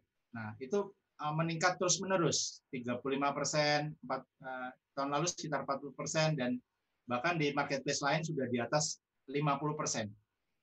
Ya, dan uh, kita pelajari seluruh konten untuk OTT itu sudah dilakukan oleh uh, film-film komunitas ya, di negara uh, mereka berasal. Nah, mungkin tidak uh, akhirnya tumbuh sebuah lokal tematik industri. Kita kan kayak tematik ya mungkin tumbuh industri lokal konten dari Bali, dari Palembang, ya, dan dibantu oleh Genflix supaya bisa masuk ke pasar OTT dunia ini. Ya jadi sesuai tematik hari ini bagaimana lokal konten goes global. Ya banyak sekali lokal konten lokal konten dari negara-negara tetangga itu ternyata mereka bisa. Ya harapan kita juga teman-teman di daerah mungkin bisa lakukan yang sama. Bisa didorong oleh mungkin festival ini Pak Fajar kan penyemangat ya, penyemangat supaya buat lebih baik lagi ya. Tapi mungkin tujuan bersamanya membangun industri masing-masing tadi, industri lokal konten tadi. Saya ingin ke Ibu Grini dulu bertanya sebelum ke Pak Syafullah minta pendapat. Genflix sendiri apakah memiliki cita-cita untuk membangun industri lokal konten itu di setiap daerah. Jadi kalau kita punya industri lokal konten di Palembang, di Bali, tadi di Jawa Timur, ya, yang masing-masing mandiri dan bisa menuju uh, marketplace dunia bersama Genflix, ya. Apakah ada cita-cita Genflix untuk membangun industri lokal konten itu? Silakan. Kalau industri lokal kontennya sendiri, Pak, sebenarnya kita lebih uh, membangun ekosistemnya gitu ya, Pak ya. Jadi dari tempatnya Genflix itu kan penyedia kayak pasarnya. Oke. Okay. Seperti tadi mau uh, ketika selesai bikin film, apakah mau ditaruh di YouTube atau mau ditaruh di Genflix kan seperti itu. Nah, Eh, masing-masing punya plus minus. Kalau kita langsung taruh di YouTube, YouTube itu sendiri kan sudah uh, apa? pelanggannya juga sudah sangat banyak, sudah sangat global. Mungkin harapannya adalah langsung banyak pelanggan yang bisa nonton. Tapi balik lagi, begitu masuk ke satu pasar yang sudah sangat crowded, tentunya uh, apa? Untuk film itu bisa dikenal, untuk film itu bisa dilihat, makin banyak dibutuhkan biaya promosi. Nah, sementara kalau misalnya di Genflix, ini adalah platform yang memang orang mau nonton film dan streaming, kemudian mereka tahu mereka sudah berbayar gitu. Jadi mau nggak mau eh, film-film yang ada di situ pasti mereka akan anggap bahwa film-filmnya itu adalah film-film berkualitas. Kemudian di tempat kami dengan banyaknya film yang ada dan kita kurasi terus gitu ya kita iya. selalu uh, ganti juga film-filmnya. Jadi berdasarkan timelinenya setiap setiap bulan kita selalu acak lagi gitu loh. Nah kita ganti, kita isi dengan yang baru, kita refresh. Kemudian kita juga lakukan promosi gitu terhadap film-film yang ada di Genflix. Jadi iya. promosinya sendiri juga banyak dilakukan oleh Genflix. Jadi uh, itu adalah plus minusnya. Karena begitu kita taruh di marketplace yang sudah sangat banyak ikan di sana, otomatis kalau ikan kita mau dilihat atau mau dibeli orang, kita sendiri harus extra effort untuk berpromosi. Sementara kalau itu ditaruh di tempatnya Genflix, dengan menyebutkan Genflix saja orang udah satu tujuan gitu ke situ. Dan kemudian dari tempat kita, eh, kita juga apa lakukan pengamatan juga, ada datanya juga, mana konten yang laku, mana konten yang tidak. Nah, konten yang belum ini kurangnya apa gitu loh. Kalau memang dari segi filmnya sendiri sebenarnya menarik, kemudian dari apa eh, pengambilan filmnya juga cukup baik, biasanya itu kita masukkan ke dalam promosi sehingga orang bisa nonton konten tersebut. Dan okay. Genflix sendiri sangat aktif Pak Arvin, jadi uh, saya senang sekali hari ini kita bisa ketemu dengan Pak Sodikin, kemudian dengan uh, Pak Emil tadi juga ya. Jadi kita tahu di area-area tersebut dan saya banyak belajar juga tadi dari Pak Fajar mengenai heritage ini ya. Kan pada awalnya Genflix itu sendiri juga pengen konten-konten Indonesia gitu yang ada di uh, dalam platformnya Genflix. Nah, cuman konten Indonesia yang seperti apa itu yang kita sendiri juga uh, apa kembangkan dan kita sendiri juga cari itu kita juga banyak mencari ke daerah-daerah seperti yang di awal tadi saya sempat cerita sayangnya begitu kita bicara masalah Jawa yang muncul uh, saat ini memang baru Jawa Tengah dan Yogyakarta. Nah, dengan diajak begini, ada dari Bali, ada dari Palembang, paling nggak saya tahu uh, ke mana saya mesti mengajak kolaborasi gitu ya. Mudah-mudahan yeah. Pak Sodikin juga berkenan, apa Pak Emil yeah. tadi juga berkenan diajak kolaborasi, kemudian bisa banyak belajar dari Pak Fajar juga untuk masalah animasi dan lain-lain. Karena Genflix sendiri punya satu platform yang kita memang khusus untuk animasi. Ya, Terima Jadi kasih. Pada saat, ya, pada saat kita mau bikin yang si animasi Susi Roll ini, waktu itu yang ada di visi saya ya, di benak saya, Jepang itu sangat terkenal dengan animasinya gitu ya. Nah, kemudian waktu saya diundang ke China, China sendiri juga melihat Jepang sangat kuat dengan animasinya.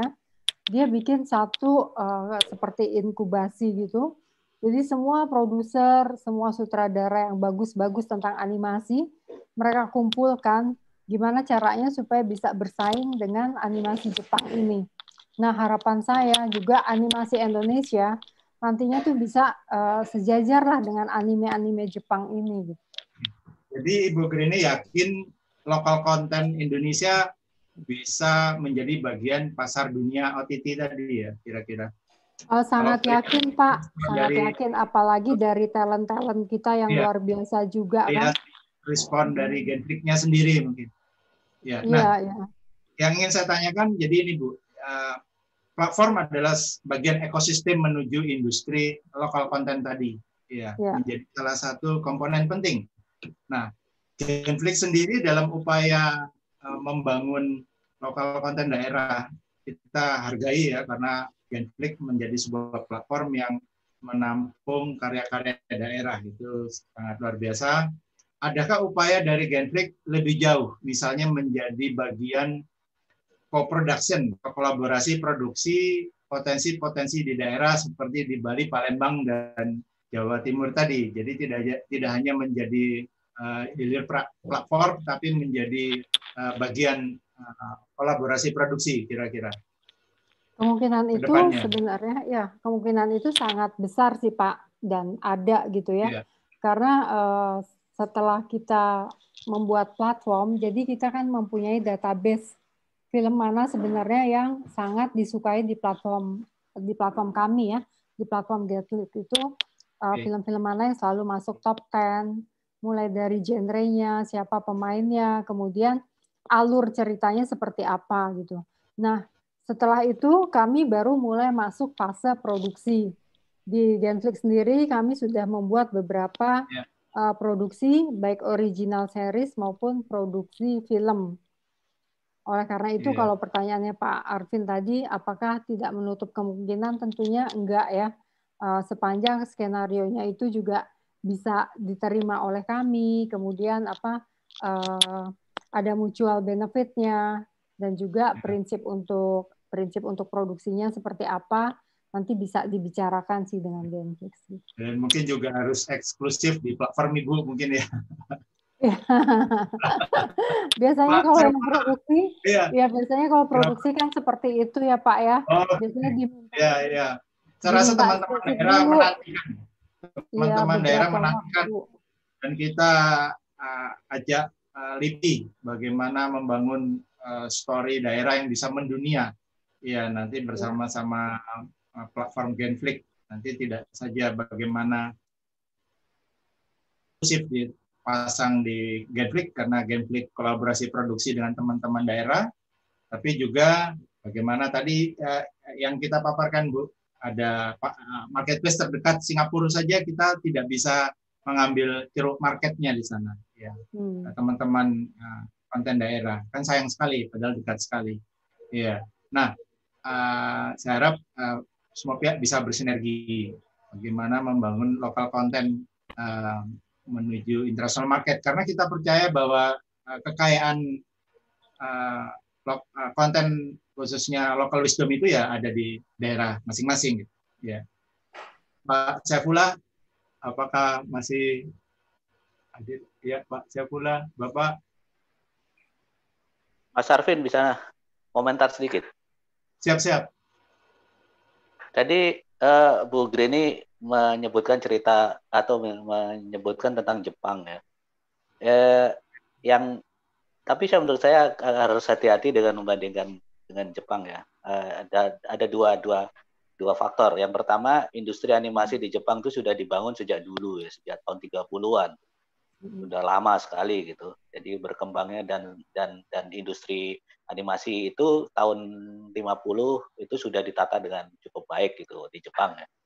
Nah, itu satu. Tapi yang kedua yang perlu kita sering tidak banyak tahu, seolah-olah industri animasi Jepang itu menguasai pasar internasional. Enggak juga. Karena uh, industri animasi Jepang itu besar di negara Jepang. Jadi banyak produk-produk animasi yang dilempar ke Amerika misalnya gitu itu gagal. Terus misalnya contoh seri Gundam ya itu di Amerika gagal. Jadi banyak uh, apa namanya produk-produk yang laku keras di Jepang terus kemudian begitu dilempar ke pasar dunia itu sama sekali gagal gitu. Nah, per, jadi kan poinnya yang saya saya bilang begini, eh, jadi ada ada demand yang berbeda gitu antara antara demand lokal nasional gitu dengan dengan dengan dengan internasional dan dan maaf aja kalau sekarang kita bicara demand internasional itu sebagian besar didikte oleh oleh oleh Disney kan, oleh gaya Disney lah secara singkat seperti itu. Nah, uh, pada saat Eh, film-film uh, Jepang seperti misalnya Kimi no Nawa, terus kemudian filmnya Ghibli yang yang sangat sangat bagus dan mendapatkan uh, penghargaan yang besar, yang cukup tinggi di uh, Oscar, itu nggak terlalu laku di di tempat lain. Jadi di di Amerika itu uh, tidak masuk maka dalam box office itu. Nah, ini kan pertanyaan yang kemudian uh, menggugah kita, menggelitik kita ya. Pada saat kita bicara tentang mendunia, ini dunia yang mana nih gitu kan? Dunia yang mana dulu ini? Karena karena uh, ini yang poin yang saya ingin ketekankan tadi bahwa ada ada perbedaan ada perbedaan perbedaan dunia ini. Artinya kalau kita untuk memproduksi produk yang yang laku di Indonesia itu mungkin bisa. Tetapi kalau begitu masuk ke dalam ke dalam ranah dunia lain uh, dunia yang lebih besar lagi gitu. Barangkali persoalannya bukan pada pada industrinya gitu. Kita jelas sudah sudah bagus teman-teman di Indonesia talentnya ya uh, secara teknis itu luar biasa untuk memproduksi animasi. Dan game juga banyak teman-teman yang sekarang sudah masuk di uh, uh, bekerja di studio-studio game besar di Jepang misalnya Square Enix dan lain sebagainya. Tetapi uh, pada saat kita bicara satu produk gitu kan itu kan bukan bukan soal teknis saja gitu kita bicara tentang konten nah Nah ini yang yang harus hati-hati karena konten yang laku di dalam negeri seperti misalnya uh, Jepang dengan Ghibli-nya dengan uh, Osamu Tesukanya gitu, itu belum tentu akan laku di luar negeri. Dan menurut saya itu salah satu yang yang yang uh, kita harus siap-siap ya. Jadi jangan kaget dengan jangan jangan berasumsi bahwa apa yang laku di dalam negeri itu akan laku nanti di luar negeri. Enggak enggak logikanya enggak ya. linear seperti itu, Mas Arvin. Ya, ya makasih. Apakah mungkin bisa dibuat tematik kontennya masing-masing? Jadi mungkin tadi disampaikan Jepang kuat dengan animasinya, kemudian Korea ada drama, drama Koreanya, terus ada uh, Latin juga ada apa telenovela ya. India ada drama juga. Mungkin setiap daerah masing-masing memiliki uh, tematik buildingnya. Ya mungkin Palembang uh, drama ya drama Melayunya ya diperkuat. Mungkin pasar Melayu kan juga pasar yang luas juga kan. Uh, termasuk sampai uh, negara tetangga lah misalnya. Kemudian Bali mungkin lebih diperkuat eh, film-film uh, yang berkolaborasi dengan komunitas dunia mungkin kan sudah banyak di Bali kan komunitas global kan. Nah, jadi mungkin mungkinkah Pak Fajar jadi dibuat kekuatan masing-masing uh, daerah supaya bisa menuju uh, international market itu karena sesuai jadi gini hmm. jadi jadi Pak Arvin ya, uh, sedikit cerita ya. Kenapa salah satu film Jepang itu bisa bisa kuat ya? Salah satu uh, uh, produksinya uh, Makoto Shinkai ya, yang uh, Your Name itu. Uh, tapi hmm. dia kan punya banyak produksi yang lain lagi. Dan kita sempat waktu itu uh, uh, apa namanya penelitian dengan mereka di studio mereka. Salah hmm. satu kekuatan dari industri animasi Jepang ini yang yang yang baik itu ada di uh, apa namanya di Tokyo maupun tempat lain ada kemampuan riset mereka. Yeah. Jadi eh, sehingga apa yang ditampilkan dalam dalam animasi itu betul-betul realis dan kalau masuk Makoto Shinkai misalnya untuk memproduksi uh, scene uh, hujan ya di Tokyo itu mereka melakukan riset yang cukup panjang berbulan-bulan untuk menghitung uh, apa namanya uh, curah hujan terus kemudian berapa banyak uh, apa namanya kemiringan hujan pada bulan tertentu gitu itu mereka betul-betul lakukan riset yang serius gitu kan.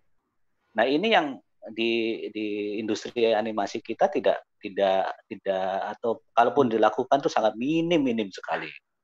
Okay. Nah ini yang menyebabkan kenapa industri uh, apa produk film animasi itu kadang-kadang nggak nyambung dengan realitas dari hari masyarakat gitu. Hmm. Nah satu poin yang saya bilang tadi, kenapa tilik itu menjadi jadi uh, sangat sangat laku di situ ya artinya karena dia itu benar-benar langsung menyentuh realitas masyarakat orang Jawa terutama. Gitu. Mereka menjadi bagian dari film itu. Gitu. Sama juga dengan animasi di Jepang. Kenapa itu uh, film-film uh, Makoto Shinkai laku? Karena dia bisa memotret uh, scene realitas dan itu yang benar-benar menjadi bagian dari masyarakat Jepang gitu. Tetapi itu tidak menjadi bagian masyarakat Amerika sehingga dia nggak laku di Amerika gitu. Jadi ini hmm. ini yang eh, kompleksitasnya ini perlu perlu di apa ya perlu uh, di di garis bawahi sebenarnya Mas Mas Arfi. Setuju, Pak, Pak. Saya pernah ikut waktu itu saya uh, ikut uh, kongres ya semacam conference lah film di Dubai waktu itu. Broadcast khusus broadcast dan film. Saya sempat mendengar uh, expert berbicara bahwa apa pun kontennya itu sebetulnya punya niche market di dunia apa pun kontennya. Jadi saya terbayang sekian banyak uh, lokal tematik konten di daerah ya, terutama di desa yang paling banyak lokal tematiknya kan. Itu pasti ada niche marketnya. Mungkin kalau dari Genflix kita bisa mapping secara cepat niche market, lokal konten regional daerah ini ada di mana karena Getback sudah jutaan kan ininya uh, yang menginstal kan. Tapi kalau kita berbicara kepada tadi tantangannya, challenge-nya international market tadi, ya katakanlah uh, Pak uh, Sodikin uh, membuat uh, tanda petik industri baru uh, drama Melayu misalnya Palembang.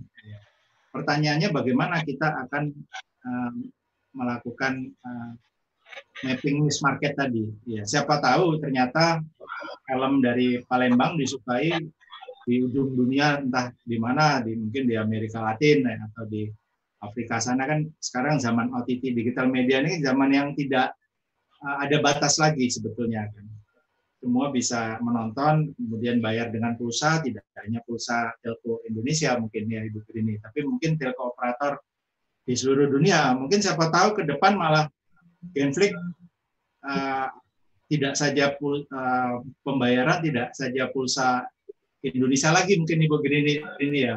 Mungkin pulsa seluruh dunia mungkin ya, saya tidak tahu. Iya. Mungkin. Nah, kerjasama Iya, nah apalagi Bu Grini sampaikan mungkin ya uh, pulsa misalnya Malaysia, potong pulsa India, potong pulsa China itu dimungkinkan kira-kira platform Ibu.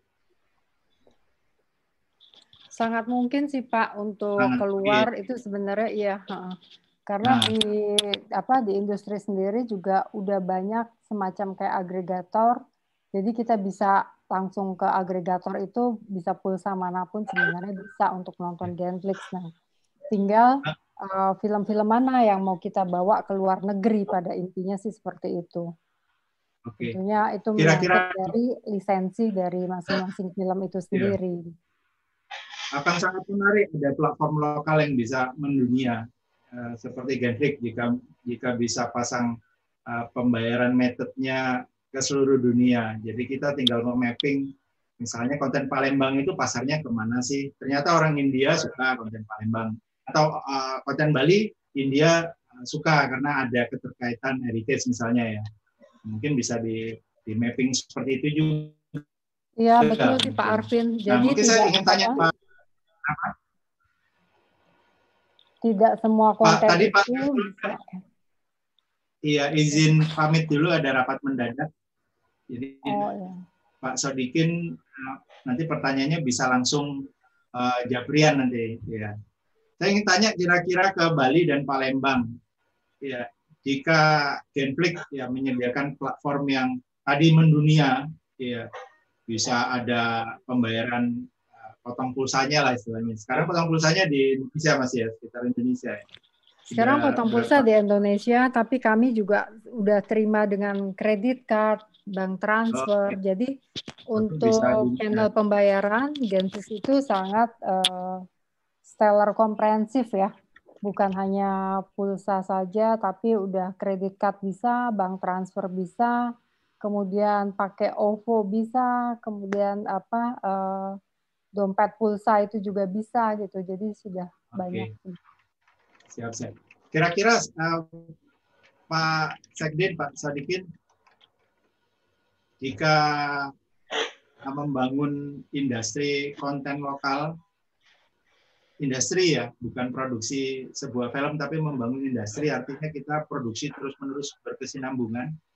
Kira-kira Palembang tematik seperti apa yang cocok untuk menjadi sebuah industri? Katakanlah tadi Jepang kan animasinya, ya, ya dramanya. Misalnya. Palembang kira-kira apa yang cocok ke depan gambarannya kira-kira? Ya, terima kasih. atau apa pun lah sebelum masalah tematik saya juga ingin mengucapkan uh, berita baik ini ya dari Bu Grini bahwa uh, dari Genflix itu uh, secara uh, cukup bersemangat untuk uh, berkolaborasi dengan daerah yang memungkinkan untuk memasukkan konten-konten daerah seperti itu ya. Juga produksi bareng tadi. Ya, oh. ya akan kami uh, sampaikan nanti kepada kabar baik ini ke komunitas yang ada di Palembang. Nah, balik lagi masalah uh, konten ya. Uh, Palembang ini yang kami lihat uh, potensi terbesar kita yang mungkin cukup membedakan dengan daerah-daerah lain itu ya sungai itulah. Ya, di sungai itu banyak sekali um, sejarah mulai dari Sriwijaya itu sudah bisa dibangun seperti itu, ya. Okay. Eh, eh, eh, mulai dari yang memang benar-benar terjadi di kerajaan itu ataupun cerita-cerita yang terkait seperti itu itu bisa hal yang bagus sekali ya. Karena saya melihatnya ini mohon maaf, saya melihatnya ini dari sudut uh, pariwisata nih. Saya hanya yeah. melihatnya dari sudut pariwisata. Kalau masalah konten yang seperti apa itu saya kurang terlalu memahami. Tapi terkait masalah pariwisata karena kami ingin mempromosikan pariwisata ini ya. melalui film, ya eh, Sungai Musi adalah salah satu potensial potensial eh, base-nya itu dari Sungai Musi itu. Kami melihatnya tentu, seperti itu. Tentu menarik jika uh, sekali mengayukan dua pulau tercapai tidak saja membangun industri konten lokal tetapi pariwisata Palembang pun terangkat. Ya. Saya rasa Sungai Musi menjadi lokasi yang menarik untuk ditawarkan uh, berkolaborasi uh, film-film ya, banyak sekali dari cerita luar Palembang ataupun luar dari luar Karena Indonesia. ceritanya banyak. Iya, ya. Mas Arfi. Di Sungai Musi itu uh, banyak sekali cerita yang berdasarkan yang ada di Sungai Musi. Misal seperti um, apa cerita Pulau Kemarau itu cerita cinta. Itu ada. Iya. Dan juga ada tentang uh, apa uh, harta karun. Harta karun yang terpendam di Sungai Musi itu pun ada tentang sejarah kerajaan pun juga ada di sana. Itu yang mungkin potensi-potensi yang mungkin bisa kita gali saat ini. Oke. Iya. Terima kasih uh, uh, Pak Sadikin. Jadi bagaimana potensi lokasi ya, lokasi uh, filming ya, lokasi produksi dan wisata bisa mendorong industri uh, konten lokalnya. Ya tentu sebetulnya uh, itu match ya dengan sebutan Kementerian Pariwisata dan Ekonomi Kreatif ada Pak Saifullah kembali masuk. Ya Pak Saifullah, Bapak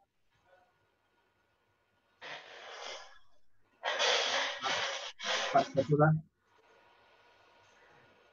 Apakah uh, mendengar atau kita ke uh, Denpasar dulu? Iya, gimana, Pak? Oh. Okay. Jadi kira-kira ini Palembang tadi sempat ngobrol-ngobrol bahwa jadi masih menarik untuk Halo. produksi film kemudian wisata juga bisa diangkat jadi uh, sebuah tema film. Apakah memungkinkan uh, pola seperti ini? Jadi bagaimana sebuah industri wisata akhirnya mendorong industri filmnya sendiri, konten lokalnya sendiri. Uh, mohon maaf, suaranya masih unmute. Sorry. Oke, okay. okay, uh, sebenarnya gini, kita banyak bahas mengenai bagaimana ekonomi kreatif mendukung pariwisata dan sebaliknya pariwisata mendukung ekonomi kreatif. Uh, contoh di luar negeri itu Lord of the Ring mendorong New Zealand menjadi turis destination yang termasuk yang paling top di dunia. Okay.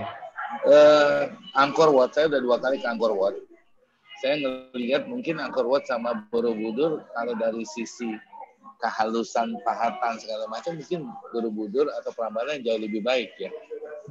Tapi di sana kalau teman-teman ke Simrip cuma hanya bisa melihat yang Angkor Wat itu. Dan hotelnya itu berjejer gede-gede semua. Dan turis itu walaupun itu nggak aman. Jadi kalau ketika saya ke sana itu angkutan ke sananya fasilitasinya masih kurang memadai misalnya. Terus kemudian di mana-mana ada tentara bersenjata lengkap, tapi turis yang datang tuh luar biasa. Itu mungkin karena ada film Tom Raider masuk ke Angkor Wat. Jadi ada salah satu scene di Tom Raider itu tentang Angkor Wat. Nah, sebenarnya kalau kita bicara lokal, sudah ada Laskar Pelangi. Gimana eh, film Laskar Pelangi itu merubah perekonomian dan eh, kehidupan masyarakat Belitung. Nah, eh, terkait dengan itu, kita juga mendorong bagaimana film-film itu bisa masuk atau memuat scene kearifan atau culture ataupun terkait dengan uh, destinasi yang bagus dari suatu daerah untuk mendorong wisata. Jadi betul sekali uh, misalnya masalah Sriwijaya ini apa Lembang dan kejayaan Sriwijaya ini kan sebenarnya banyak sekali budaya atau lokal konten termasuk kulinernya yang bisa diangkat ke permukaan. Nah sebenarnya ada contoh yang menarik yang kemarin ada Gordon Ramsay masuk ke Sumatera Barat dengan rendang. Ini kan juga luar biasa nih. Nah kita juga lagi saat, saat ini kita juga sangat mendorong makanya kita membuat eh, bagaimana cerita-cerita daerah itu masuk ke dalam uh, satu platform uh, masuk sebagai sumber inspirasi dan kreativitas anak anak muda atau masyarakat atau komunitas di daerah tersebut. Itu yang kita dorong. Nah, yang membedakan kita dengan negara negara lain atau negara lain itu adalah keunikan dari kita masing-masing. Nah, ini yang kadang-kadang makanya ketika kita berunding dengan view itu kita udah 35 daerah kita masuk semuanya menampilkan urban legend masing-masing yang uniknya. Kalau misalnya bicara modern misalnya dunia modern kita nggak akan pernah menang lawan Korea. Atau mungkin konten-konten lain gitu. Jadi apa uniknya gitu. Nah sebenarnya banyak hal yang unik yang bisa kita angkat ke permukaan nah kalau misalnya contoh tentang misalnya saya ngambil contoh animasi. Saya di 2018 kerjasama sama Ainaki ngebawa animator lokal. Halo, halo, halo. Ya.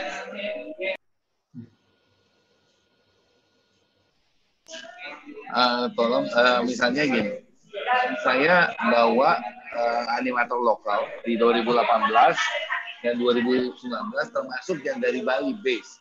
Termasuk uh, uh, perusahaan apa uh, masuk juga dari anggota-anggota enak. Itu kita bawa ada enam studio dan tambah dengan tahun kemarin itu sekitar enam jadi dari 12 studio kita bawa ke Korea. Kebetulan ada forum uh, ASEAN Indonesia Summit itu di Korea. Kita bawa. Semuanya based on kurasi. Jadi kita sampai meng-hire. Jadi untuk masuk ke situ aja, untuk bisa dapat tempat lima film, itu kita bayar sekitar 50 ribu US dollar. Dan kita meng-hire uh, mentor dari global, itu kita biayanya itu sekitar 5 ribu US dollar. Untuk mentornya aja. Jadi kita mau mematchkan bagaimana konten lokal bisa match dengan selera global, bukan merubah lokal kontennya, tapi mematchkan bagaimana menyajikan lokal konten kita dengan this global. Dan alhamdulillah berapa film sudah mendapat apa, apa negosiasi dengan uh, apa distributor animasi global seperti Amazon, Disney dan lain-lain. Nah, harusnya tahun ini kita buat di Bali 2020 dan 2021 itu kita membuat di Bali Cuma karena ini ada lagi pandemi, akhirnya kita buat virtual di 2020. Insya Allah 2021 kita bisa buat secara offline. Gitu. Jadi uh, bukan berarti lokal konten kita nggak ada Kita itu negara penduduk nomor empat terbesar di dunia. Disney Hall itu masuk ke Asia Tenggara itu pertama di Indonesia loh Coba kasih tahu ke saya, ada nggak platform digital global yang nggak masuk di Indonesia? Kita punya punya masyarakat ya, sekitar 260 juta dan 175 juta internet user. Kalau bicara middle potensial buyer, kita punya middle income class itu di atas 140, lebih dari separuhnya, 60% itu kita middle income class yang punya daya beli. Jadi nggak mungkin dong kita nggak kita nggak usah mikirin global aja. Kita juga udah kekurangan konten. Iya. Berapa banyak OTT yang ada? Berapa banyak TV yang masuk? Apalagi dengan nanti 5G, video itu menjadi keharusan. Berapa banyak konten yang kita butuhkan? Apakah pasukannya ada? Ketika pandemi, TV-TV itu bisa menggunakan free yang eh, konten-konten free to air-nya untuk bertahan hidup. Tapi yang lain babak belum. Berarti memang kebutuhan konten jadi sangat tinggi. Nah itu makanya lokal konten itu jadi penting bagaimana merepackaging itu. Itu ya kayak misalnya cerita Mulan itu kan model tipikal yang Mulan jadi juga punya sebenarnya cerita-cerita seperti Mulan di Indonesia. Ya. Cuma kan bagaimana mengemas itu. Makanya kita banyak bekerja, nah termasuk juga bisa film festival. Kita senang banget bisa kerja sama, bahkan kita mau masuk untuk berkolaborasi karena di situ tempat ketemunya ekosistem. Ketika kita mau melakukan pembinaan, kita harusnya bisa masuk melalui film-film festival. Bagaimana kita mensinergikan, bagaimana pola manajemen dalam pelaksanaan film festival supaya memiliki standar global seperti yang mungkin di Jogja dan di Bali Iya. Ini kan juga menarik gitu supaya apa ekos uh, film festival di daerah bisa mewadahi talenta-talenta lokal. Tinggal kita nanti melakukan pembinaan mematchkan dengan apa yang dibutuhkan atau yang uh, dibutuhkan oleh pasar nasional dan global. Saya selalu ngekuat ada peribahasa di Aceh. Um, jadi gini, di Aceh itu adalah uh, misalnya mat di pasar, tangan di belangnya. Artinya apa? Buat apa yang bisa Anda jual. Jadi mata kita ke pasar, kita lihat selera pasar, tangannya di belangnya. Bukan kita produksi apa yang kita uh, kita jual apa yang kita bisa bikin, tapi bikin apa yang bisa kita jual. Makanya kita banyak sekali film-film bagus yang kita melihat tren pasar mungkin kehabisan dana dalam promosinya, akhirnya nggak laku di pasar. Nah makanya di kita itu ada namanya Akatara Indonesia. Nah, awalnya itu sebagai Indonesia Film Financing Forum, kita rubah menjadi Indonesia Film Market and Business Forum. Dan itu juga menyediakan biaya produksi film. Jadi kita festival itu, kita punya festival film kreatif yang akan launching nih segera. Kita akan mencari sekitar 20 film mungkin bisa nanti depannya akan lebih. Kita akan biayain biaya produksi film pendek. Jadi kita akan kasih hadiah sebetulnya sebagai biaya pengganti biaya produksi film. Sendiri. Cuma memang nggak besar karena kan tadi film pendek. Tapi bukan berarti itu stop di situ. Tapi ini kan waktunya yang sangat terbatas. Mudah-mudahan tahun depan kita udah bi dan saat ini juga kita lagi menyiapkan skema insentif bagaimana mendorong uh, film, eh, ekosistem film nasional. Ini termasuk juga misalnya bagaimana pembiayaan film dengan ketika dia masuk di daerah-daerah pariwisata. Jadi ini akan kita fasilitasi sebagai mungkin salah satunya yang lagi kita lihat itu ada cost production rebate. Itu yang lagi kita mau lihat. Bagaimana kita memanfaatkan KFD, Komisi Film Daerah, membantu kita. Jadi banyak hal yang kita mau sedang kerjakan. Cuma memang lagi-lagi aktivitas kita agak sulit karena eh, masuk ke daerah itu lockdown segala macam. Nah, yang tadi dari teman di Palembang atau yang tadi ada yang film festival yang Midsummer Festival.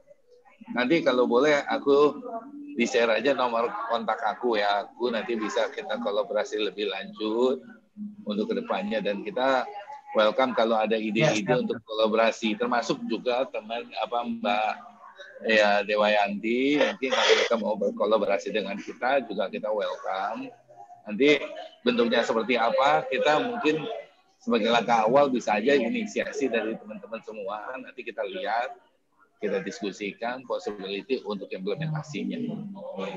Siap, siap Pak. Menarik. Karena kita ini government, kita nggak bukan mencari untung ya. Kita mendorong ekosistem supaya muncul talenta-talenta baru, bukan hanya nanti berujung di film, tapi bisa menjadi konten kreator di sosial media. Karena ini job-job yang sangat menarik bagi anak-anak muda sekarang gitu. Uh, sehingga tadi makanya saya juga senang melihat dari wakil gubernur Jawa Timur kayaknya wah sangat menarik nih kayaknya kita boleh kerjasama yeah. karena apa yang disampaikan kena menarik. semua di tempat subsektor di tempat saya. Nah betul, pokoknya betul, kita betul. welcome sangat sangat welcome ya. Iya. Tunggu Itu, mas. menarik Pak Pak Zaifullah. Jadi OTT platform yang mendunia seperti Genflix ini Iya. Memiliki. Makanya gini, kita kerjasama. Kita kemarin aja uh, kita kerjasama dengan platform global. Masa kalau ada platform lokal kita nggak mau kerjasama sih. Jadi kayak kemarin kita udah ngobrol sama video. Yang, ya. Nah ini juga mungkin kalau memang ada lagi kita mau juga kolaborasi. Gitu. Bentuknya seperti apa ya, nanti kita ngobrolin. Ya.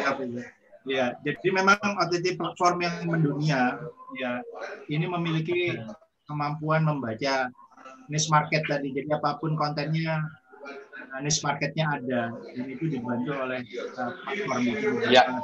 platform-platform seperti Genflix. Tentunya uh, dengan platform-platform ini ya industri lokal akan tumbuh. Jadi satu lokal pun harapannya juga akan tumbuh seperti kita diskusi dengan uh, Dispar Palembang bagaimana uh, akhirnya film dan wisata uh, bersinergi dan platform membantu membaca uh, niche marketnya untuk membangun industri lokalnya dan bagaimana uh, Pak Fajar ya pihak LIPI bisa membantu mendesain kontennya yang yang bisa memperoleh banyak niche market tentunya.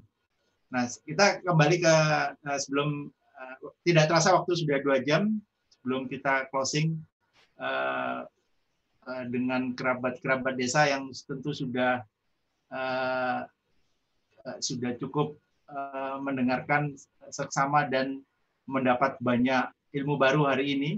Tapi sebelumnya saya ingin tanya dulu ke teman-teman kampus. Ya, kampus sendiri tentunya kan tidak hanya membuat film yang tujuannya memperoleh nilai ya. Bukan, membuat film kan tidak hanya memperoleh nilai, tapi juga membuat film yang tujuannya sebetulnya membangun industri lokal konten tadi. Kira-kira kalau dari komunitas kampus, industri tematik lokal apa yang ingin dibangun dari kampus isi di Bali? Iya. Oke, makasih Pak uh, Arvin untuk waktunya. Ya. Jadi sebelumnya memang saya saya kan memang backgroundnya bukan dari perfilman awalnya karena ini jadinya saya kuliah ya. perfilman. Jadi saya sudah menulis beberapa saya jadi dari penulis menulis beberapa tulisan mengenai Bali. Tentunya sebenarnya ada budaya urban juga dan heritage Bali itu semuanya orang banyak yang pengen tahu dan tergila-gila dengan budaya-budaya Bali. Nah, untuk kemasan berupa film itu belum banyak yang nyampe di luar kayak gitu, Pak. Jadi sebenarnya dari kampus sendiri, dari kampus, kampus saya sendiri, mereka memberi setiap kita TA tugas akhir uh, untuk membuat sebuah film, di sana itu mereka mesti menyelipkan untuk kita bisa mengangkat sebuah uh, konten lokal kayak gitu tentang sebuah budaya.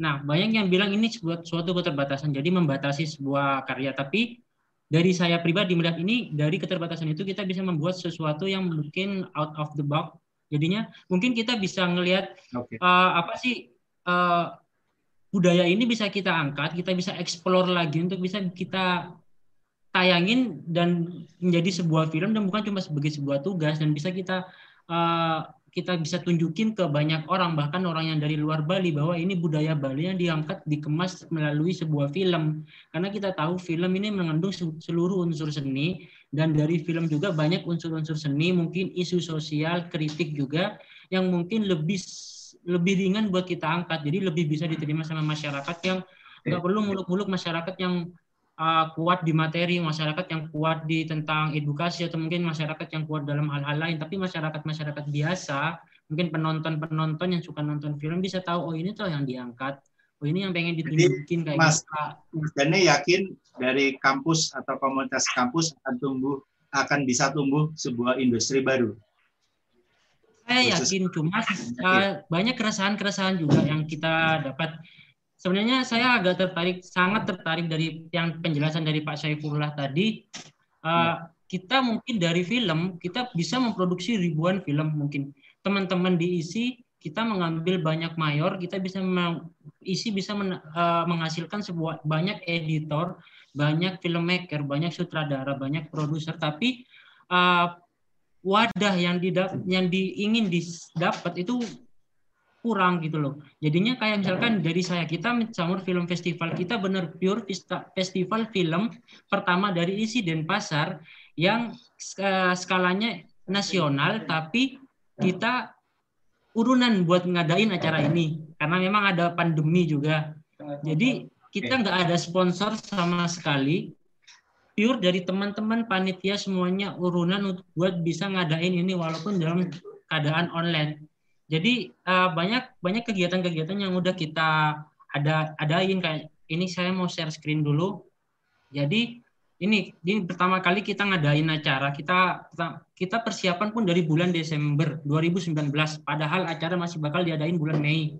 Kita benar-benar persiapan, kita masih mahasiswa baru juga, Pak Jadinya tahun 2019 kita kita baru masuk dan insiden pasar selama produksi film dan televisi berdiri belum pernah ngadain festival film yang pure standar festival film yang skalanya nasional. Jadi tahun kemarin mereka kita mengadakan kakak tingkat kita mengadakan uh, iklan itu kayak lomba-lomba iklan, kompetisi iklan. Jadi jadi tahun ini merupakan kemajuan yang sangat cukup baik kayak gitu.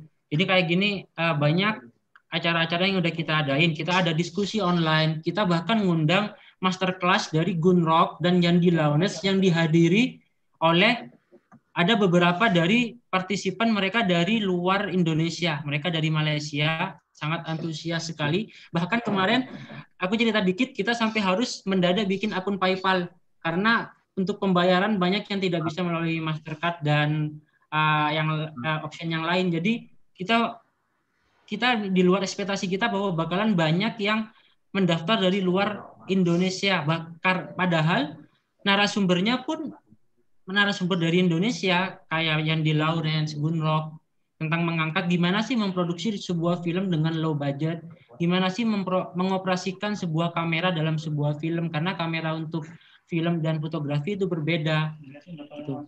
Itu audiens luar jadi yang bayar PayPal audiens luar audiens dari luar yang bayar pakai PayPal. Iya, dari banyak dari luar kayak audience gitu. Dari, luar dari luar Indonesia apakah, kita gimana? Oh. Iya, kira-kira apakah dibutuhkan suatu tematik bersama, jadi tidak sendiri-sendiri, mungkin kayak di Korea drama, walaupun ada jenis uh, genre lainnya lah. Kemudian Thailand horor misalnya, Jepang animasi, apakah dibutuhkan tematik khusus supaya Bali bisa membangun sebuah industri konten baru yang dimotori oleh isi. Iya. Ya, kalau kira -kira. dari apakah butuh ya, tematik dari, khusus? Hmm, dari program sama-sama. Kita dari saya juga yang berdiskusi, sebenarnya untuk tematik kita ingin membentuk sebuah ekosistem, Pak. Dari di Bali sendiri ekosistem tentang uh, kategori mungkin genre film juga. Kita nggak muluk-muluk, kita harus ngangkat film yang sesuai uh, mungkin tertentu, tapi kita ingin nunjukin kita mau tes ombak dulu gitu loh. Jadinya kita mau nunjukin ini pasar pasar gimana sih yang ingin didapetin. Kalau kita masukin semua akses, kita mungkin bisa mendapatkan apa yang ingin memang, memang bakal kita dapat kayak gitu. Jadi kita nggak usah muluk-muluk yeah. untuk hanya ngambil beberapa uh, tematik aja karena kita belum tahu juga marketnya gimana karena internasional juga marketnya sangat tematik. Misalnya kayak Thailand kan terkenal dengan tematik horornya sampai hmm. memperoleh market China-nya besar juga. Nah, uh, dan dan lokasi-lokasi filming lain lah. Nah, kira-kira dari Bali sendiri jika dimotori oleh uh, ISI sebagai mungkin satu-satunya fakultas film negeri ya di Bali, ya tematik apa kira-kira menjadi brand utama Bali uh, ke depan? Sebenarnya kalau misalkan dari semua film yang masuk, sampai sampai yeah. film yeah, Pak.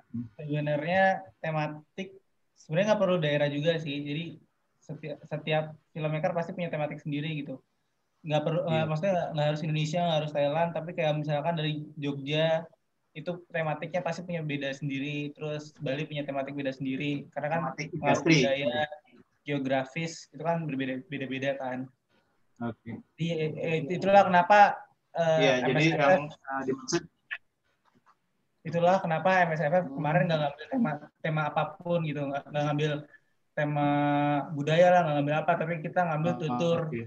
Jadi kita lebih ke filmnya karena setiap film itu pasti punya tutur yang beda-beda nggak harus dari setiap daerah tapi setiap setiap orang gitu setiap hmm. orang misalkan orang Indo lebih suka lebih suka action yang satu lagi lebih suka eksperimental gitu nah MSFF tuh dihadirin untuk ngerayain itu itu bersama bareng-bareng nah kemarin tuh ada untuk tahun pertama kita terima 162 film masuk. Itu kita kurasi jadi 23 film. 23 film itu jadiin ada enam program. Program ada atas kan? Ini dia. Itu ada program kompetisi umum. Oke. Okay. Ada program kompetisi umum, kompetisi pelajar.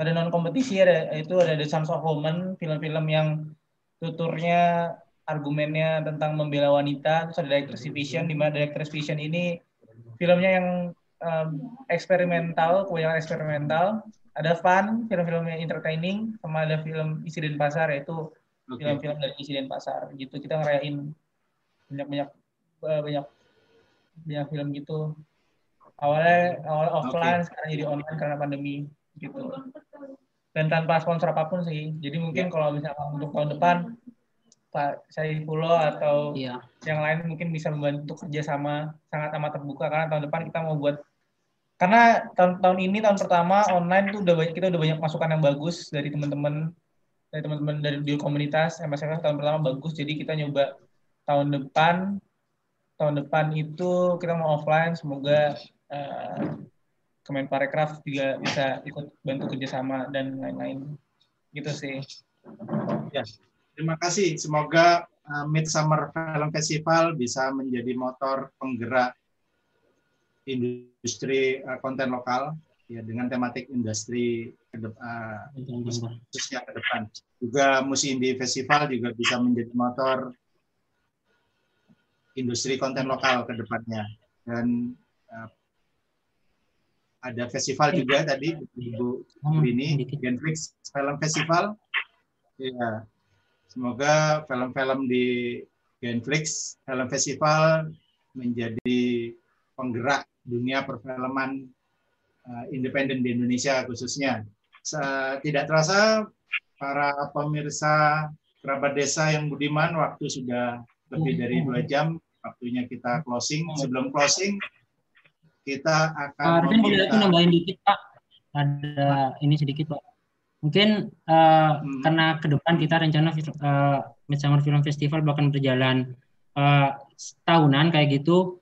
Kita juga sebenarnya pengen film-film film-film yang ada di kita ini bisa film-film Bali khususnya bisa kita bawa keluar gitu loh Pak. Jadi kayak kayak Gen Freak dan dari Pak Saifullah juga tadi kita sangat tertarik dengan yang diomongin dari Kak, Pak Saifullah juga. Sebenarnya kerjasama kayak gitu kami perlu banget Pak, benar-benar perlu walaupun bukan dalam bentuk finansial dan segala macamnya.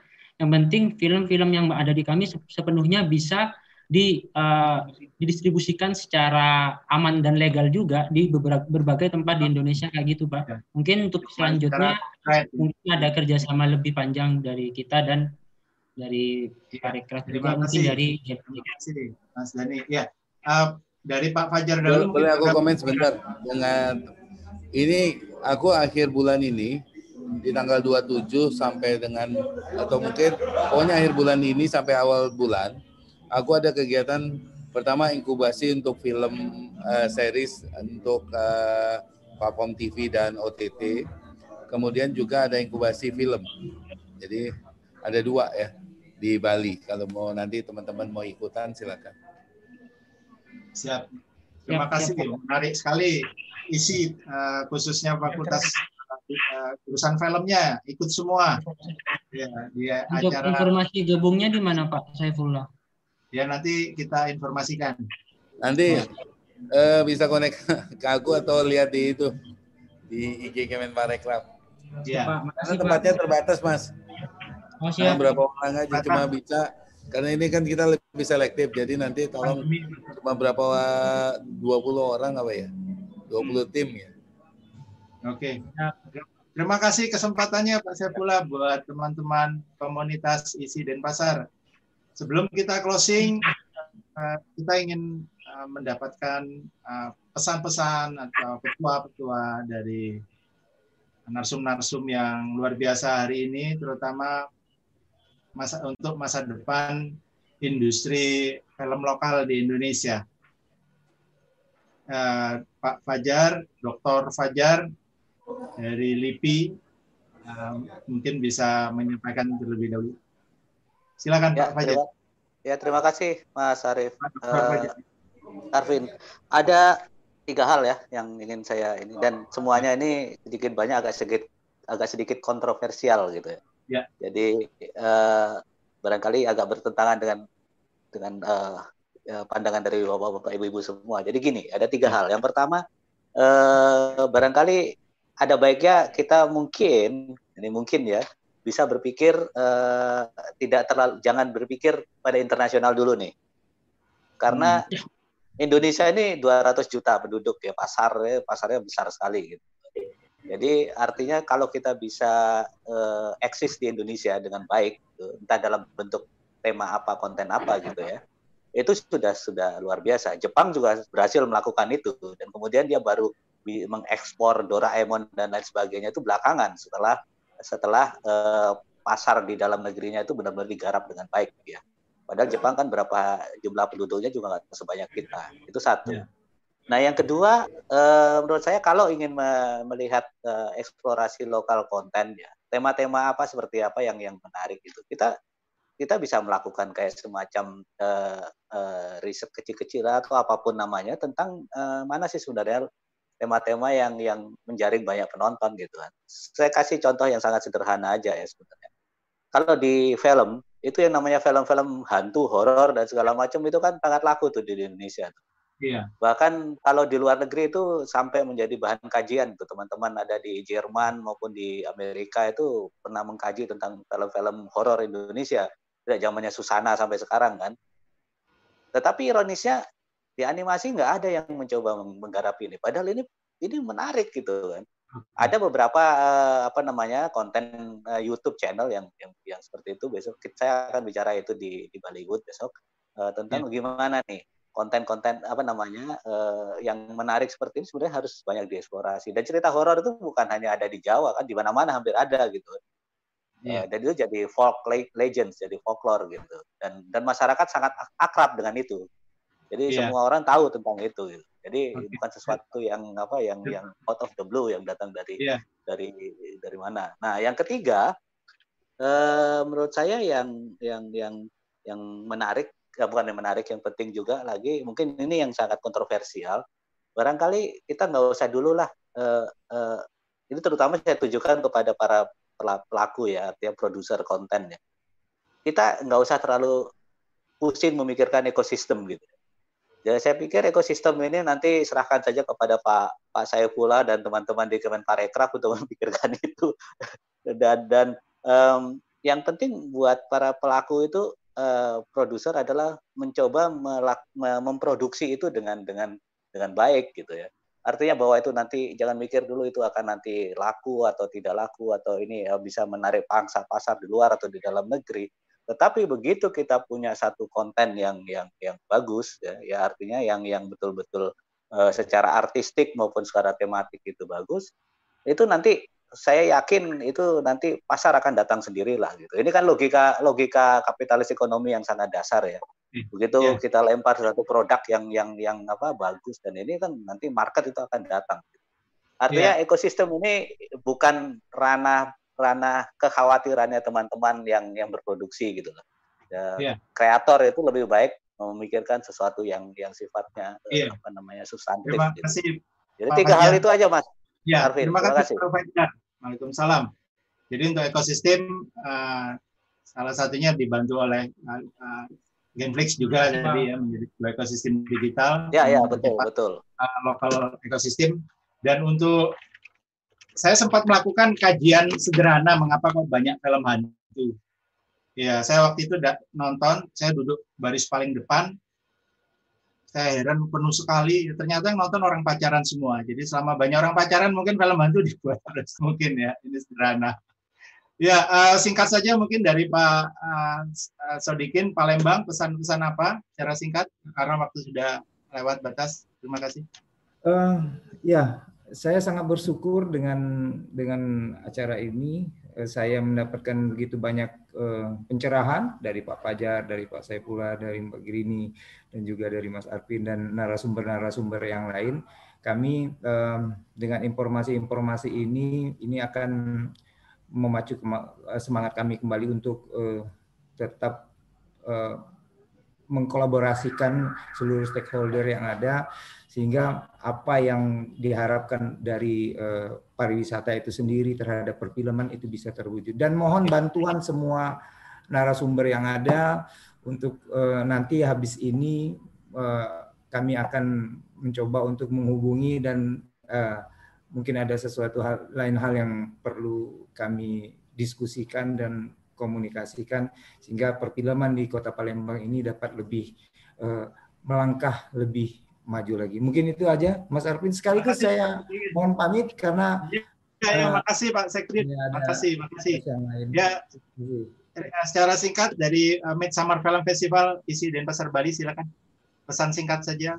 Hmm. Oke, terima kasih buat bapak-bapak semuanya. Uh, dari kami mungkin semoga kami dapat festival-festival film di Indonesia dapat dibantu mungkin didorong dan di mungkin di beri sesuatu yang lebih sehingga kita bisa bisa lebih ber, uh, berinisiatif untuk bisa berkembang ke depannya. Jadi festival-festival di, di seluruh Indonesia, terutama dari pemerintahan juga kayak gitu Pak. Jadi kami bisa menampung berbagai film-film dari Indonesia. Terima kasih. Ya, maju terus. Uh, Ibu Grini, uh, tampaknya sudah tidak ada Ibu Grini ya. Uh, Oke, okay, uh, penutup uh, pesan dari uh, Pak Saifullah mewakili uh, pihak pemerintah. Bapak, monggo. Uh, terima kasih Mas Alvin dan teman-teman semua. Uh, kita pemerintah ini hanya bisa memfasilitasi semua usaha, semua daya kreasi, semua itu ada di teman-teman. Kita nggak ya orang yang paling tahu tentang hal itu. Jadi kayak saya, saya udah bilang berkali-kali bahwa saya terbuka untuk kerjasama dan kolaborasi karena kami akan selalu ada untuk mensupport teman-teman semua. Jadi jangan sungkan untuk kontrak ke kami. Insya Allah kita bisa memfasilitasi walaupun dengan keterbatasan yang ada di kami dan baik itu dari sisi kemampuan dan kapasitas, insya Allah kita akan bisa bantu dan bekerja sama dan yakin bahwa Indonesia ini kaya sekali dengan IP-IP yang bisa menjadikan kita sebagai negara yang maju di dalam konten kreator. Jadi yakin itu dan tinggal sekarang kita mau memanfaatkan atau enggak. Fasilitasi yang kita siapkan bisa diakses untuk meningkatkan kapasitas teman-teman dan semuanya free jadi silakan dimanfaatkan. Karena nanti ketika persaingan masyarakat ekonomi Asia ASEAN akan jalan, itu akan semakin sulit kalau kita nggak memiliki kapasitas yang cukup. Itu aja sih. Terus berkarya, mudah-mudahan kita menjadi tuan rumah di dalam penyediaan konten di Indonesia. Terima kasih. Assalamualaikum warahmatullahi. Terima kasih uh, Bapak Saifullah PSD. Terima kasih seluruh narsum-narsum yang luar biasa hari ini telah mengisi acara dan berbagi pengetahuan kepada kerabat desa. Kerabat desa yang budiman, hari ini kita uh, telah mendengarkan banyak sekali uh, masukan bagaimana membangun industri konten atau film lokal di setiap uh, daerah dan potensi-potensinya. Sampai jumpa di Talk with Arvin minggu depan tayang secara langsung live di Telkom dan Nusantara 1. Sampai jumpa minggu depan. Wassalamualaikum warahmatullahi wabarakatuh. Om Santi Santi Om. Salam sejahtera. Namo Buddhaya. Terima kasih. Terima kasih Pak Saifullah.